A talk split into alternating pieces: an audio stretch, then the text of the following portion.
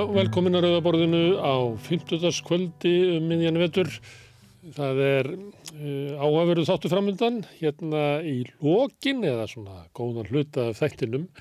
Uh, þá koma hingað að Rauðaborðinu Magnea Marinósdóttir sem er alþjóða stjórnmálafræðingur og Stefán Einar Stefánsson sem er fjölmjörnamaður og guðfræðingur og ég ætla að fá þau til þess að ræða um málefni hælisleitenda í tilhengna því að það er svona margt sem er bendið til þess að, að, að þessi málaflokkur sem komin inn í miðju stjórnmálumröðunar og munir líklega blandast inn í næstu kostningar.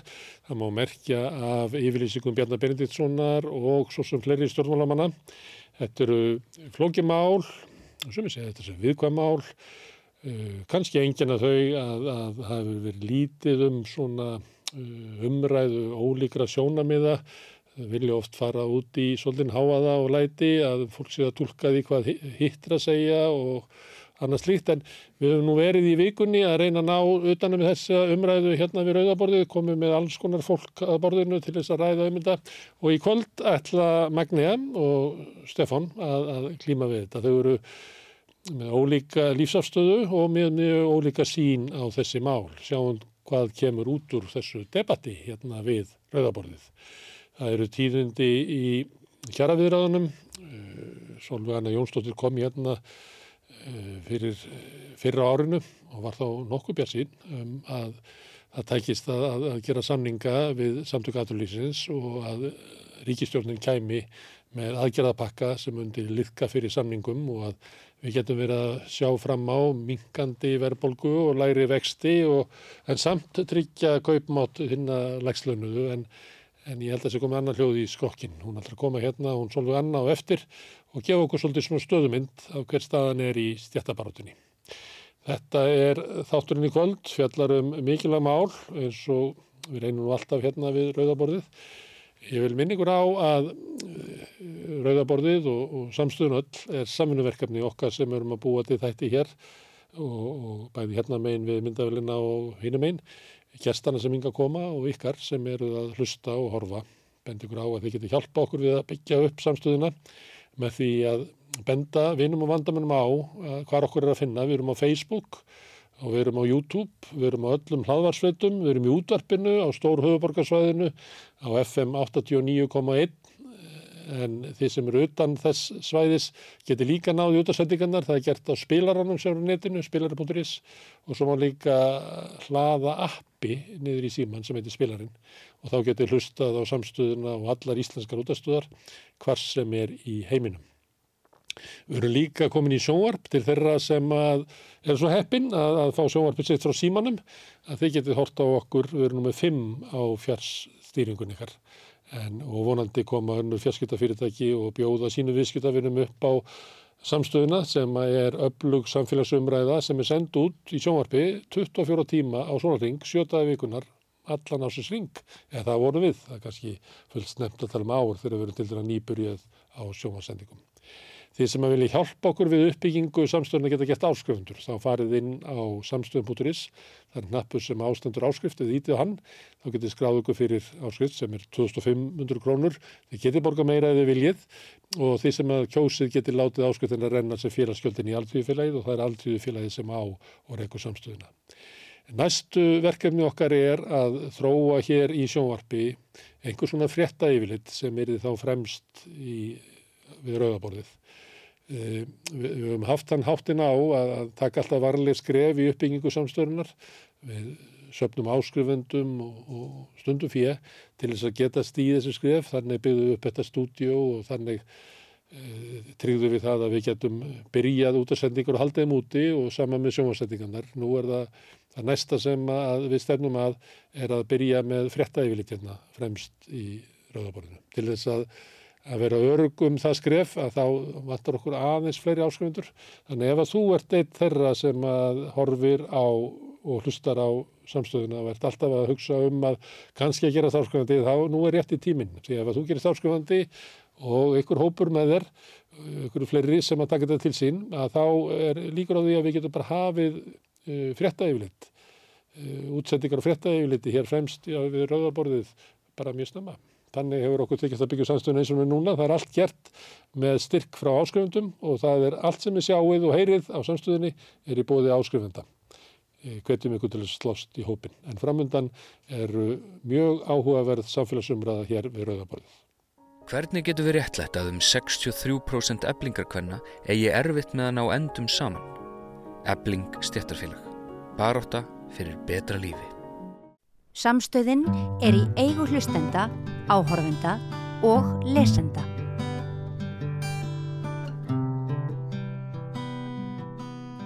Já, herru, þá er það kjaraviðræðinar sem eru náttúrulega alltaf mikilvægar og kannski ennfrekar þegar það er verðbólka sem að getur upp kaupandun okkar. Solveigana Jónsdóttir, formar eflikar. Þetta er velkominn. Takk fyrir. Þú komst hérna svona um áramótinu, þá var næstu nokkuð björnsinn. Ég er alltaf svo. Já, en þú ert ekki eins björnsinn núna, eða hvað? Uh, Þetta verður ekki farið eins og, þetta hefði geta farið. Þú þarf ég að fara að vera alltaf svona ábúða full og Já. þarf að fara að finna svona, finna svona kallinn í mér, svona Já. fara að tala eins og svona eldri formaður. Það er nú bara svona eins og kaupin gerast á eirinni og, og þessar viðræður það er náttúrulega bara í einhvers konar svona hefbundnum fasa. já, við það búið að, að fyrirtæki eigundu gangi á lægið og reyni að, að borga sér lítið og mjög er. til dæmis, það má, það má leggja það upp þannig. Já. En já, við hérna, e, þessi, þessi góða breiðfylking, við tókum ákvörðun í gær um að vísa deilinu til ríksafsamira Mm. Og fyrir okkur í eblingu þá er það kannski þrátt fyrir það að við höfum verið fyrir mjög stutt í þessum bransa með við marga þá uh, erum við náttúrulega búin að fara í gegnum svo margar erfiðar deilur. Þannig að fyrir okkur að vísa er einhvern veginn um, frekar svona basic hlutur að gera. Já. en það þýðir auðvitað bara vist það þýðir að þá tekur embætti ríksafsamira uh, utanum deiluna og Verkstýrir umræðum, ha, verkstýrir viðræðum. verkstýrir uh, viðræðum og ákveði fundi og það að mörguleiti er bara ágætt. Mm. um, þá er um, fastara utanumhald. Uh, efni sem að e- á að ræða á fundum er þá tryggt að séu rætt og þau tilbúð sem að lögður eru fram önnur gögn. Um, það eru þá svona vissar leikreglur sem að eru establiseraðar. Þá ber uh, aðilum að fara yfir á næstu fundi þar sem að lagt var fram á þeim fyrri og svo framvegs þannig að um, ég held að mörguleiti sé, sé það Sé í sjálfu sér bara ágætt. En svo auðvitað þýðir þetta líka það þegar við erum búin að vísa þá náttúrulega erum við líka komin þá nær því ef að það gerist að að geta slitið og Mm. það vita auðvitað allir hvað það þýðir. Já, en það er hérna, ef við förum aftur á baki tíman að þá uh, eru allar kjarallir sem að eru á borði sáttasemira. emmitt, þannig að er- eins og ég var Ég að er að reyna að fletta það í haustum á mér, ég bara man ekki hvernig, nei, ég, hvernig var bara sami út í bæ. emmitt Já, og við náttúrulega ákveðum að tekja sameiginlega ákvörðun hjá báðum uh, aðilum bæði samtökum aðilins og, og breyflingunni um að hafa alla fundi eftir að þetta fór formlega af stað í húsakinnum ríksatsamira Mm. Og um, þannig að þetta breytir að þýleiti litlu fyrir, ykkur, fyrir okkur. En að sjálfsögðu þýðir þetta bara svona viss, viss atbyrður ás er þá farin af stað? Meiri alvara. Að ein, ein alvara en þú nefndir hana að ef að ekki gengur þarna þá getið þið líst yfir að viðraðu þessu áruguslausar Já. og ha- hafið aðgerðir, það er bara formlega þá er það aldraðin að því að fara í verkvall. Þú mátt ekki fara í verkvall á þess að vísa til. Emitt, Samsömun. við bara setja félög og atvinnureikundur við störfum innan þessa laga umhverfis lögum um uh, setja félög og vinnudeilur frá 1978 með þeim ymsu viðbútum sem hafa svo komið við þau lögu gegnum árin og þar er þetta útskýrt með nokkuð skýrum hætti um, þannig að já, en, en af því þú sagðir að svona kannski meiri alvar væri komin þetta er náttúrulega búið að vera mjög alvarlegt samtal Já. bara strax frá fyrsta fundi. Um, við í breyðvillingunum komum mjög vel undirbúin inn í þessa viðræðar bæði voru við með afskaplega vel uh, útbúnar og unnar tillögur varandi tilfæslukerfin og svo voru við líka búin að um, eða mörgum vikum, jafnvel mánuðum í bara að koma þessu öllu saman í sambandi bara við stóru verkeflispólitíkina þannig að Viljón Birgisson hefur nú sagt þetta held ég í viðtölum að, hann hafi bara aldrei tekið áður í viðræðum sem hafi verið svona vel undirbúnar á hálfu mm. hreyfingarnar og ég held að það sé bara mörgu leiti rétt mm. þannig að við mættum á fyrsta fund um, full alvöru með vel útbúnar tillögur sem við lögum fram og ég held að samtök aðvunlýfsins hafi, hafi líka mætt full alvöru þó að við séum komin á þennan stað núna. En eh, sattu gáttur þess að eitthvað leiti breyttu um kurs? Já, það er alveg rétt. Við um, skinnjuðum þennan svona góða tón þarna á fundinu milli Jóla og Nýjás mm. og það var sendt út frá um, aðilum þessi sammeila yfirlýsing um, og svo gekk þetta svona ágætlega framan af en svo fór þetta svona aðeins að Og er það vegna þess að er það breytar fórsendur til dæmis uh, Grindavík eða var einfallega ekki stuðningur í röðum mm -hmm. SA fyrir að, að ganga til samlinga við ykkur á þeir fórsendur sem að þið leggja fram? Ég held að um, ástæðan fyrir því að samtöku aðrunleifsins breyta þarna um kurs um, hafi ekkert með Grindavík að gera. Mm. Ég held að þau hefur kannski bara signalerað of mikla í ákveðinni í upphafi sem að var svo kannski ekki innistæða fyrir í þeirra röðum. Mm. Men, menn og konur tala mikið um bakland og þar er auðvitað bakland líka og vantanlega frekar flókið og erfitt bakland. Um, það eru alls konar hagsmunir hjá alls konar íslenskum kapitalistum sem endilega fara ekkert allir saman. Mm. Um, og einhvern veginn bendir til þess að þeir sé ekki alveg samstiga því að það er eins og sum fyrirtæki hafi byrjað að tala inn í þetta samkominlega en önnur ekki. Rétt, það er auðvitað bara um, alveg rétt og það lítur að vekja einhverja eftirtakti á fólki og það er auðvitað að mínu viti signal um það en þetta það sé ekki alveg verið að marsera þarna í takt. Um, samtalið fórast núast um það að taka eitt inn í kostnæðamatið um, launaskrið jafnframt að það væri óheppilegt að um, undir þetta kjærsamninga með flætri krónutulhækun sem er auðvitað bara grundvallar elementið í kröfugjörð mm. um, við auðvitað höfnuðum þessu. Við sögum að það væri ekki hægt að leggja ofan á kostnæðamati sem við værum með launaskrið, það væri uh, fráleit nálgun og, og óþægt við erum að semja um lámarkskjör á vinnumarka, við erum ekki að semja um launaskrið herri launaðar að hópa. Mm. og að það veri ófrávíkjanlega krafa breyðfylkingarnar að samiður um flatar króntulega hækkanir og svo höfum við verið að vandraðast í þessu samtali. En nú voru það uppæð sem hafa verið nefndar ekkert svo háar. Það eru alls ekki háar. Þeir eru emitt afskaplega hófstiltar mm. og við tókum ákvörðun innan okkar raða að fara fram með þessar hófstiltu kröfur en um, sækja þá jafnframt á stjórnvöld og, og fá þau til þess að axla ábyrð kakvart vinnandi fólki mm. vegna þess að í um, því ástand sem við erum í um, mikil verðbólka þá viljum við ekki um, undir þetta samninga sem að virka eins og ólja á verðbólkubálið mm. og við viljum heldur ekki afturlenda í því að framlaga ríkisins sér umverulega um, því sem næst einskist virði. Við vildum gera og viljum enn langtíma samninga mm. til í það minnst að þryggja ára þar sem að um, aðstæður skapast til þess að vextir og verðbólka geti farið nokkur hratt niður mm. og þar sem að um, stjórnvöld gera það sem þau sannlega eiga að gera og áttu að vera búin að gera fyrir löngu um, taka til í tilfæslukerfinum endur reysa þau þannig að þau sannlega fungir sem það sem þau að gera jöfnunar kerfi á þessu landi. En, en uh, að því að þetta er hófstiltar launakröfur, þá eiginlega getur þú ekki skrifað undir samning um þær nema að ríkið sé búið að ganga frá endur eða millifærstukjörfana. Þetta er, er þannig? Þetta er bara samtal sem að þarf að um, eiga sér stað svona nokkuð samhliða mm og það er rétt, ég menna við getum ekki gengið frá kjærasamningi fyrir en að við höfum séð hvað stjórnvöldur eru tilbúin til þess að gera og sá skilaboð. kjarasamningur sem við undirritum, hann fer eftir því hvað stjórnvöldur eru tilbúin til að gera. En nú senda þau skilabóð, meðal annars Þórtís Kolbrún og Benni Benedísson út að grinda við og fleiri. Þá er bara alls óvíst hvort að eh, ríkið eigi fyrir nokkru, handa ykkur. Einn armur stjórnvalda sendir þessi Já, já. skilaboð frá sér Já. en hann er auðvitað uh, armur stjórnvalda um, flokkur sem að hefur með harða ídológiska nálgun í orði í flestum hlutum en svo oft er það svo að á borði þá svona næst afstæðan að mildast eitthvað.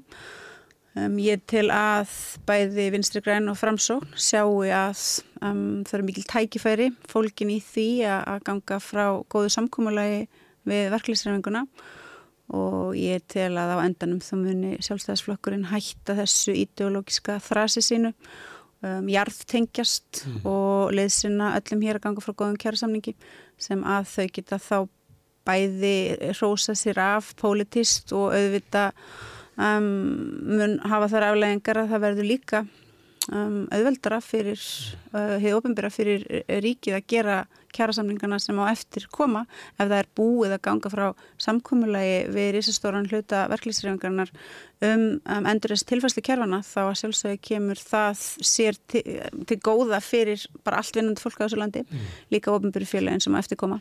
En ertu viss um það að ríkistjórnin sé þessar skoðunar að þetta sé gott tilbóð sem þau verða að grípa og verða að grípa það fljótt áður en aðri samninga verða lausir til þess að hafa ykkur tilætlu áhrif. Ég vona að þau skilji það vegna þess annars eru þau þau sér. skrýtnari en, en, en maður gæti heldið. Við áttum ágætan fund með þeim og það var raunverulega ágæti fundur og þar var það nú er signaleraður áhugi um, og já, já, hann var fyrir tveimur vikum. Nei, ég sé að því þá síðan hefur komið þetta með grinda Já, ég menn að sjálfsögðu getur það farið svo að hér ákveði fólk einmitt axla ekki þessa pólitísku ábyrð og hvaða áhrif mun það þá hafa. Segjum sem svo að hér fari raunverulega allt í fjandans á vinnumarkaði.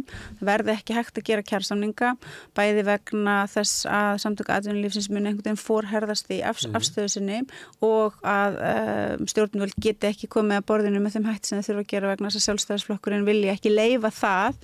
Um, hvaða option er þá til staðar eigum við þá að gera aftur skamtíma samning, hann þarf þá auðvitað að vera með miklu, miklu herri hækkunum. Um, hann mun þá að sjálfsögðu ekki hafa þau áhrif að verðbólka geti hér farið að lækka og hann mun ekki hafa þau áhrif að það sé hægt að fara að lækka vexti. Um, mögulega er, er íslensk pólitík orðin svo fyrrt að hún telur að þetta sé betri og skynsalegri leið til þess að feta. Það verður þá að koma í ljós. En ef að þessi leið verður ekki, við rennum niður þá braut, Mm. að þá þurfa stjórnvöld að koma bara til til að fljótt Já, með svona skilabóð önnur en þessi sem við erum búin að heyra í vikunni. um, sko skilabóðin frá stjórnvöldum núna munu auðvitað verða þau að á meðan að ekki sé að nást samkomulega á milli samtaka aðunlýfsins og breyfylkingarinnar þá muni þau ekki komið með sitt útspil. Ég held að það, það verði leikurinn sem verði spilaður núna um, og í þið einhver getur ekki tíma saman við samtök aðurlýsins nema að hafa eitthvað í hendi frá þannig að þetta er svona Katz 22. Þetta er ekki Katz 22 vegna þess að þegar og ef sam, samtalið við samtök aðunlýfsins fyrir að mjagast áfram þá um, er, erum við komin á annan stað. En ég, ég bara lýsa því hvernig ég held að þetta verði. En ég er ekki að segja þetta sé Katz 22. Ég er að segja að stjórnvöld munu auðvita, halda þessir höndunum þanga til að það fer eitthvað aftur að hérna að að byrta upp um, í samskiptum breyfylkingarnar og samtaka aðunlýfsins ef að það gerist og ekki koma með neitt útspill fyrir en að það um, er ferð eitthvað að sjá til landstar. Þú varst í karpúsinu þegar að Vá fór á hausinn. Já, þá, þá það var er alveg rétt. notað til þess að klára samningana. Það er alveg rétt. Og það var, myndur þú segja að það hefði verið notað til þess að, að stoppa og frekari kröfur ykkar að því að við hort fram á það að annarkvæmt að ganga frá samningnum með það sem að, veist, við getum landa núna Mhm. eða þá að við erum að fara í ykkur langvarandi átök þar sem að, að mótaðilin ætla kannski að spilin á það að, að það sé ekki stemming fyrir að fara í verkvöld þegar það eru svona margir að missa vinnuna og svona mikil óvissa um ferðarþjónustuna. Þú þekkir þetta. Heldur það sé verið að nota grindaugum samæti?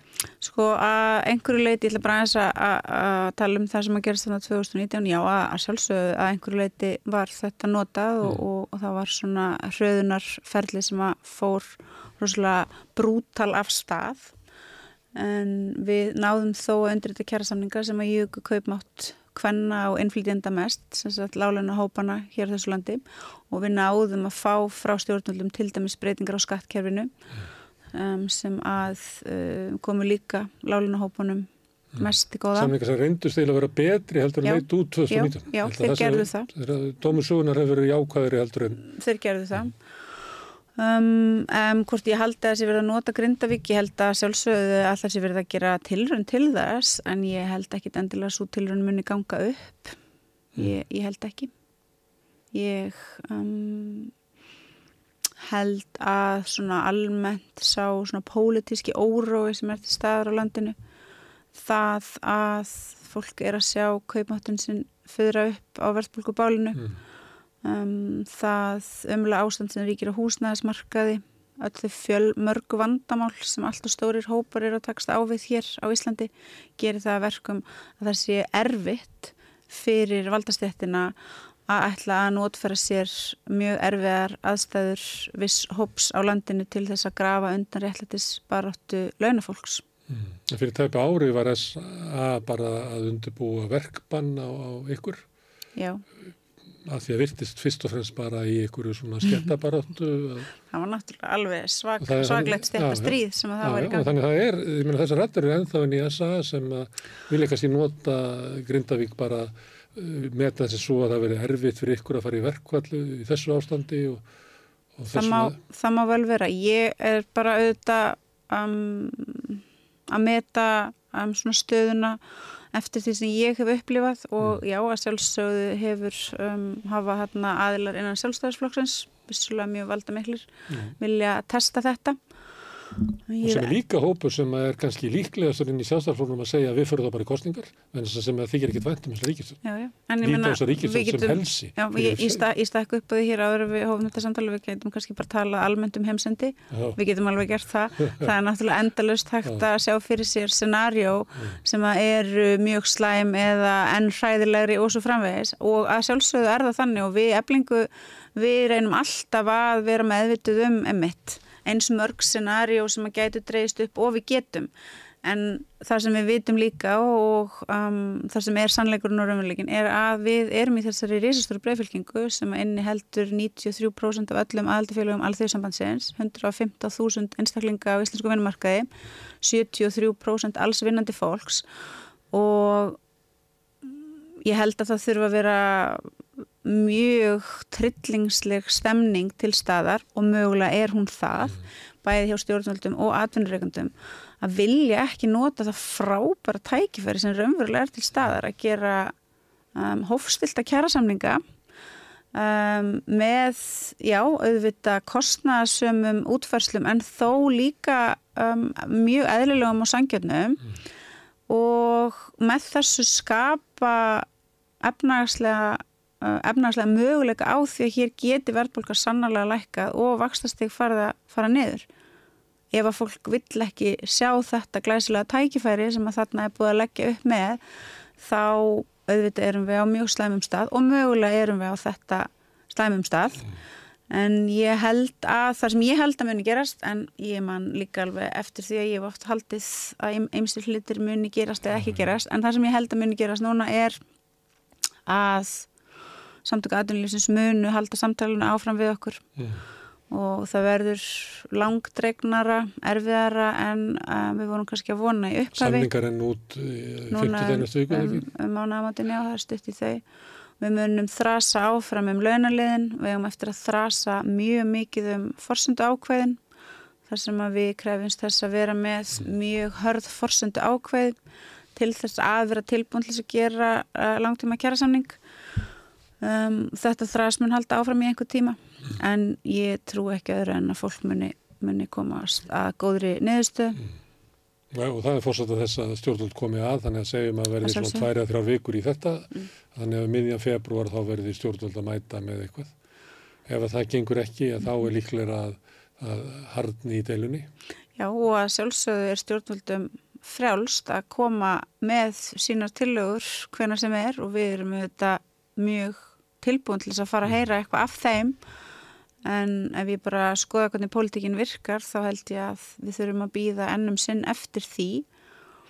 Mm, en ég er ekki hérna hvað heitir það, viðfrett ég er ekki spákona, ég er bara döðuleg kona og get aðeins reynda að meta stöðuna eins og, eins og ég sé hana og get aðeins reynda að draga álíktanir út frá því um, sem ég sé gerast í kringum mig og svona þeim upp, upp atbyrjum sem ég er að upplifa Það tækifæri að, að ganga frá samningum og samningum við stjórnvöld uh, á þeim hætti sem að breyðfylgingin lagði fram, já, að það, það stendur ennþá. á sjálfsögðu og þetta er frábært tækifæri og þau eiga bara að taka því Já, að sjáum til hvað gerist. Já. Takk fyrir að koma hingað í Takk. næstu í viku lók svona og gefa okkur stöðuna. Mér finnst það mikilvægt við þetta hérna svolítið í umfjöllunum um kjaramál. Allir þessi leinn sem að kvílir yfir því. Mér finnst það, ég er alltaf að vera meira og meira efins um það. Ég- við erum ég ætla mjög að efins. að við erum auðvitað, við viljum ekki húst, auðvitað er það þannig að vissir hlutir eru auðvitað rættir yfir samningsborðið að sjálfstöðu en við í eblingu leggjum auðvitað mikla áherslu á það að miðla upplýsingum til okkar félagsfólks og við bæði gerum það með því held að fundi og svo höfum við verið að gefa út myndbönd. Og nú síðast í gær byrstum við myndband þar sem að ég svaraði um, nokkrum af þeim spurningum sem að mér hafa borist sem ég óskaði eftir frá félagsfólki. Og þetta eru frábæra spurningar og þetta eru aðalega spurningar frá okkar aðfluttu meðlumum og hver einasta þeirra er bara algjörlega frábæra fólk er að pæla mjög djúft í þessum hlutum. Og ég bara svara þeim eh, eins heiðarlega og ég get. Um, það var nú reynd að sláði upp á MBL áðan sá ég að ég hefði gerst mögulega sig um eitthvað trúnaðabrest en það er að sjálfsögðu alls ekki svo. En við, ef við getum ekki og treystum okkur ekki til þess að segja okkar eigin félagsfólki frá því hvað við erum að gera, hver aðferðafræðin okkar er, hvað árangri við teljum að við getum náð, hvort að við teljum að við séum að mjagast næri eða færast fjær, þá auðvitað bara eigum ekkert að vera í þessum bransa. Það er ólýðræðislegt að öllu leiti að meiga ekki segja frá hlutum til þeirra sem eiga svo að, lifa og starfa eftir þeim kjörum sem við semjum um. Og það er líka ólýðræðislegt að halda öllu svo þétt hjá sér að fólk fá ekki tækifæri til þess að spyrja spurninga, setja fram skoðanir sínar fyrir en það kemur að því að segja já eða nei við samningnum. Það er ekki gott fyrir neitt en að sjálfsögðu virðum við allan trúna við okkar viðsemendur eins og þau virða trúna við okkur. En að sjálfsögðu er það eins mikilvægt og hægt að hugsa sér að miðla öllum þeim upplýsingum sem hægt er með góðum og, og skilmerkilegum hætti til félagsfólks. Og verða trúna þá áttu við svona atriði ef að við samitið segir hvað, ef að, við myndum bjóða þetta, Já. gætið þú fattist á, það, Akkurat. fólk verður að frelsi til þess að tala svona. og svona upphátt. virkar þetta og svona virka bara En ekki um eiga svona samninga heildarþróun samningana Nei, verður fólk að geta talað um. að sjálfsög og svona eiga samninga viðræður að virka við erum hérna að semja um og þú spyrir en hvað við prófum að gera þetta og ég segi nei en hvað við prófum að gera þetta og ég fyrir auðvitað ekki og, og skrifa status um það og svo sagði hann þetta en þá sagði ég þetta, það er fáránlegt já. og, og mun aldrei ganga upp. En að sjálfsögðu er það að skilda mín að upplýsa mitt fólk um það hvað ég sé að reyna að gera og hvaða árangri ég telja að sé hægt að ná. Líka vegna þess að ef að því kemur að fólk þarf svo að taka þátt í stóru alvöru baratunni til dæmis með því að- leggja neðu störf þá nú eins gott að maður sé búin að útskýra fyrir fólki um hvað baráttan snýst. Það er ekki hægt að ætlast til þess að fólk taki svo stórar og, og hérna, afdreyfaríkar ákvarðanir nema að maður sé búin að segja, segja þeim um hvað málið snúist. Mm. það eru þetta bara vissar svona líðræðislegar reglur í gildi og við eigum að starfa eftir þeim eins vel og, og markvist og við mögulega getum Já, og það er snúast um það að fólk sé upplýst um hvernig er verið að reka þeirra hagsmunni. að sjálfsög Það er ekki bara uh, bein útsetting af einhverju hurði í karpúsum, eins og stundum er. að sjálfsög veist ekki svolítið að það mánuður Já, saman, þess að enga frétti komið um, um hvað í veröldinni fólk er að. Svo spyrir maður það eftir á, þá satt fólk bara meir og, og starfið í gaunis, mánuður saman. Já, já, Já, já, en ég, þú veist, við eblingu er alltaf, við höfum alltaf vandað okkur í þessu öllu og ég meina já, það getur þetta verið pingu flóki að feta þessa braut og kannski höfum við svona stundum mögulega hefur einhverjum fundist við segja of mikið en ég held nú að yfirleitt þá séum við náum við að fetta þessi braut bara um, nokkuð vel. Svolítið að bæra þakkir og gangið vel í barðunni. Takk, takk. Nú ætlum við að halda áfram að reyna að skilja samfélagið sem við lifum í. Við höfum verið með svona þema þessa vikuna. Við höfum að, að efna til umræðu um málefni hælisleitinda að gerðum tilumni. Það er eitt kapli í þeim tilunum hér framöndan. Hvernig getur við réttlætt að helmingur eblingakvönna býr við slæma andlega heilsu? Ebling stjættarfélag. Baróta fyrir betra lífi. Með því að ganga í leyendasamtökin stiður þú baróttu leyenda. Leyendarsamtökin eru fyrir öll þau sem vilja vinna að réttlæti og öryggi á húsnæðismarkaði. Leyendarsamtökin.is Félagar og forvitnir eru velkomnir í Sósilista kaffið alla lögadaga í bólólti 6 kl. 11.30. Tökum pásu frá kapitalíska hversteginum og njótum góðra stunda með félagum okkar. Sláist í hópin og gerist áskrifendur.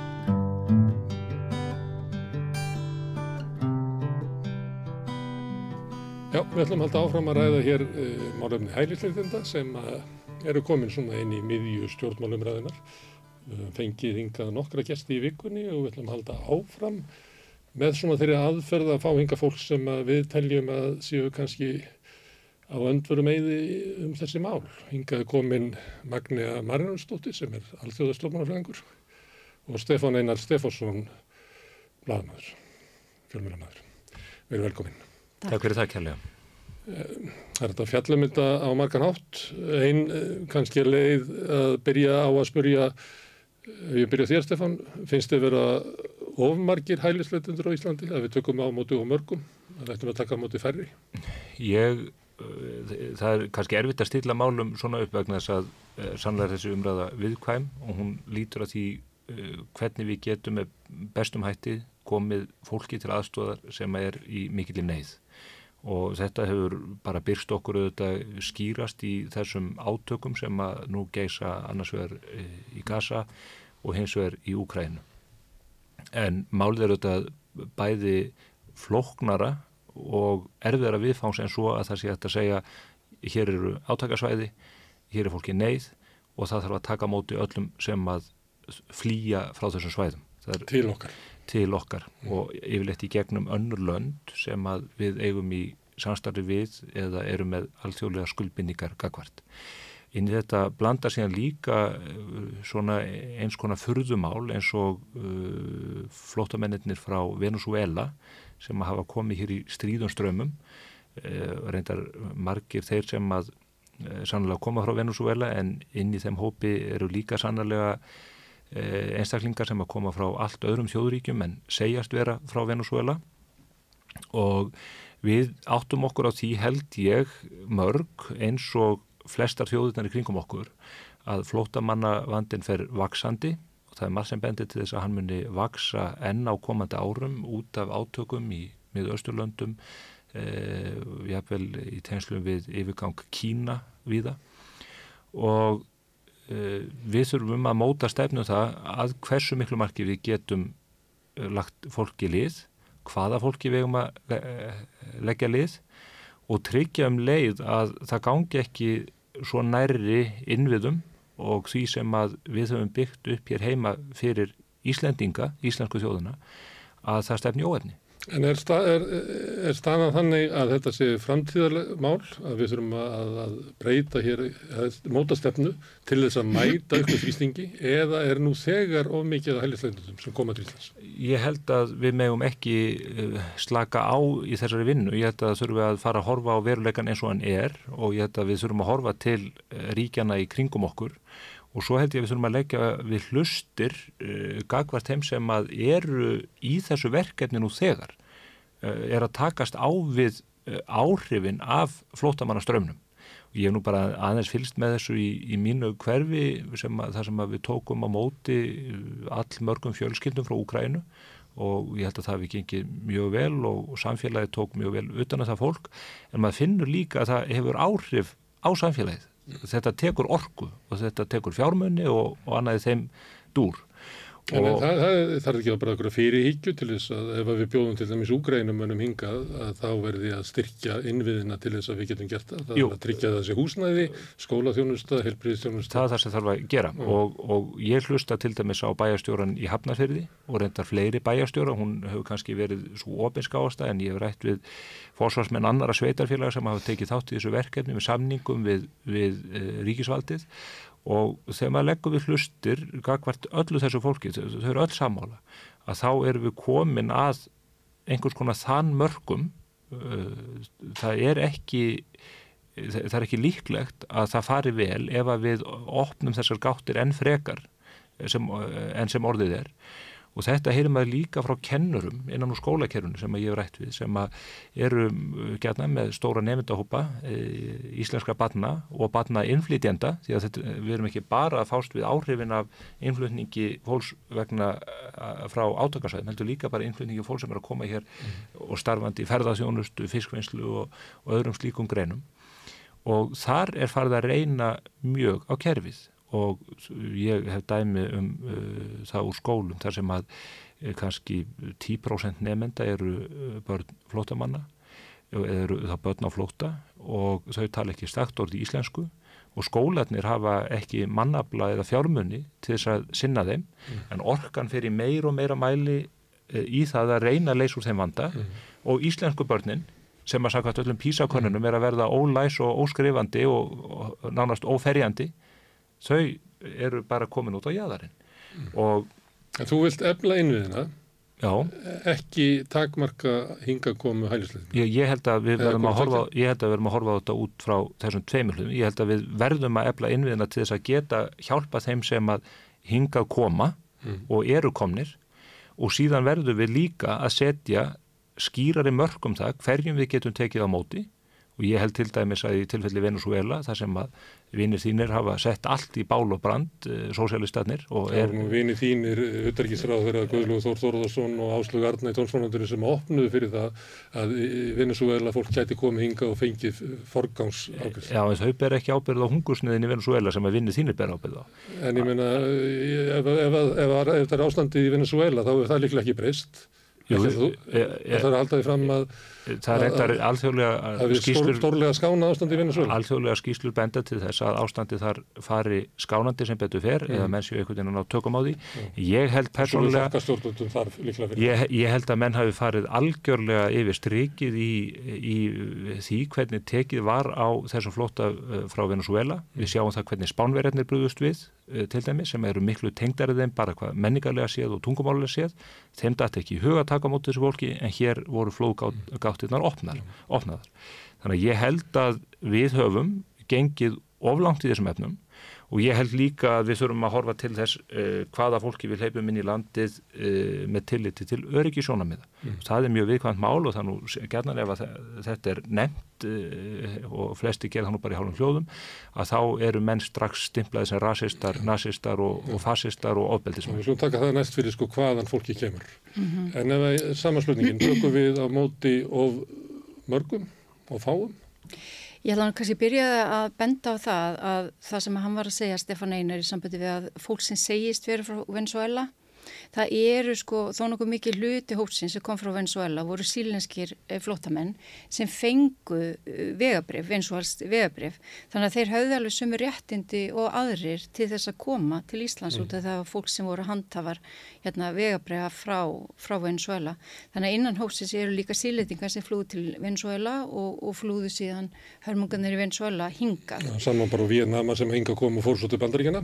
Já, og hérna, og svo líka kannski bara miða við það sem að er búið að segja hinga til að þú veist, þetta er náttúrulega rétt, þú veist, spár gefa til kynna að það er auðvitað, það hefur mjög mikið fjölgun uh, þeirra sem er á flótta og þá eftir að aukast. Og það er mikið talað um stjórnleysi og hérna, og stjórnleysi það er, það er, það skapast fyrst og fremst af einmitt skorta fyrirhyggju vegna þess að ef þú tekur ekki inn spár og gerir ekki ráðstafanir til dæmis ef það eru koma hérna skemmtverðskip með 6.000 mann sem borð og þú ert með höfn og þá leggir við höfnina, þú gerir ekki ráðstafanir til að taka mútið fólkinni þá verður náttúrulega stjórnleysi. Það segir sér sjálft. Þannig að þetta er svona pínlítið þú veist þeirra ákveð andvaraleysi líka og ég ætla að segja samt í Venezuela að það var náttúrulega Jón Gunnarsson sem var ráð þeirra á þessum tíma. Það voru tilmæli saminnið þjóðana að ríki tæki á móti flótafólki frá Venezuela og það þyrtti ekki að fara í gegnum einstaklismiða meðferð held, út af þessu hörmungar ástandi sem var það. Það voru tilmæli frá ESB um að taka á móti úkrænufólki þeir nýttu hann að greini útendingalögum hér nú með 44 til að, að gera það. En í Úgræni þá voru næstu öll nákvæmdu lönd okkar sem að gerðu sama. Já, þetta var sama, SB. En já. við vorum þau einu sem að lítu þessu varandi vinna svo vel. Það voru held ég nokkur önnur ríki, ég veit það ekki alveg. Ég get ekki alveg farið það. Mi, við miskusti, já, en við gerum það miskusti og það er einhver sem þarf að bera ábyrða því, er mm. það ekki, ríkstjórnin sem að er við völd.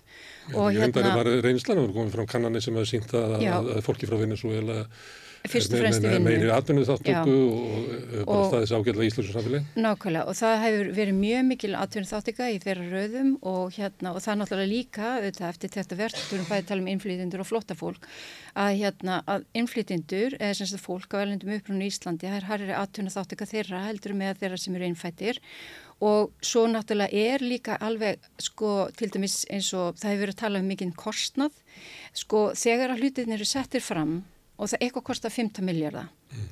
uh, allir bara, vá, þetta er rosa há uppæð en þetta er ekki sett í neitt samhengi. Það er alltaf svona samhengi sem skiptir máli. Ef þú leggur veg og hann kostar einhverja miljardar er þá ekki einhver, einhver ávinningur af veginum? Og það hefði ekki verið gerð á svona rannsóknir hér á því hvað flótafólk og innflytjendur eða fyrst og fremst kannski flótafólk sem að nýtur ákveðan aðstóðar sem er sem sagt, okkar alþjóðlega skuldbyttingi, við erum búin gangast undir það þau geti fengið hér dvalarleifi og, og jáfnveil ríkisborgar rétt þar fram í sækir. Uh, en það var einhver rannsók sem ég las það sem að var að meðaltali sex ár sem að flottamenn voru í raun og veru búin að borga upp þann stuðin sem þau fengu með sína atvinnum þáttöku og með því að borga skatta og göld mm. og, hérna, og það er rosalega, ein, það er rosalega einfalt Hvaða rannsókn var þetta? Uh, það er bara máli, ég bara mann það ekki, ég þarf að finna hana. En ég var að reyna að finna hana fyrir þáttin en sko það sem að punkturinn er ekki nákvæmlega hvað rannsókn þetta er heldur, það þarf að skoða þetta svona. Mm. það þarf að skoða hlutin í samhengi og setja það í samhengi í samti við skólana sko máli er það, það er eitt sem er mjög slæmt eins og þar, þegar eru þetta heita hugringatengsl þegar þú setur, þú segir uh, við verðum að setja skorðið flottamannaströmmunum og við verðum að gera betur til þess að, hérna, að uppræta alþjóðlega brottstarfsemi ergo það er sambanda millir flottamanna og mm. alþjóðlega brottstarfsemi. Mm. Þetta er það sem Bjarni Ben gerði. Mm. Eh, Stefan, Stefan Einar Stef, Stefan Einar hann segir uh, skólanir uh, 10% nefndum eru flottafólk það búið jáða að setja hinnan nefndunar sem eru 90% þess vegna gengur þau svona illa í písa ergo hverjum við mögum að kenna? Máli er það, ég ætla, bara, að fá að klára ég ætla að fá að klára, ég ætla að fá að klára. Síðan er það, ég ætla bara að segja eitt viðbútt í sambandi við skólana. Það er náttúrulega búið að vera það voru hérna mótökudeldir uh, við skólana. Og þegar að börn koma og hafa ekki íslensku sem, sem móðumál þá þurfa þetta að vinna forskotið þegar kemur íslensku út að það fer allt fram á íslensku. Þessar mótökudeldi voru lagða niður í nafni skóla án aðgreiningar. Börn, öll nema börn umsækjum alþjóðlega vemd, þau, þau lenda bara bind inn í bekk og hafa ekki íslensku og það eru bæði professor Sigrun og Ólastóttir heitur um við Háskóla Íslands og önnu sem talmenna fræðingur. Jón Gunnarsson var bara einu gæra kvarta yfir þessu að þetta hefur lagt til, hann vildi fá svona mótökudeldir aftur. En vegna þess að sko... Og það verið skammaði fyrir það? Nei, en sko málið er það að þegar þú ert með börn sem að þurfa að vinna upp eitthvað fórskot sem önnubönn hafa til þess að geta staði affætis mm. í kerfinu þú ekki, þú getur verið með mjög, sko, þeir sérfræðingar sem hafa skrifað um þetta, þú þarfst að vera með þú þarfst að vera með mjög verka málörfin og þau þurfa að heyra mikið af íslensku og síðan getur þau auðvitað tekið þátt í smíðatíma og íþróttum með öðrum krökkum, þetta er ekki eins og sé verið einagra hópin frá mm. nefndunum og málið það, það er núna líka að tala um það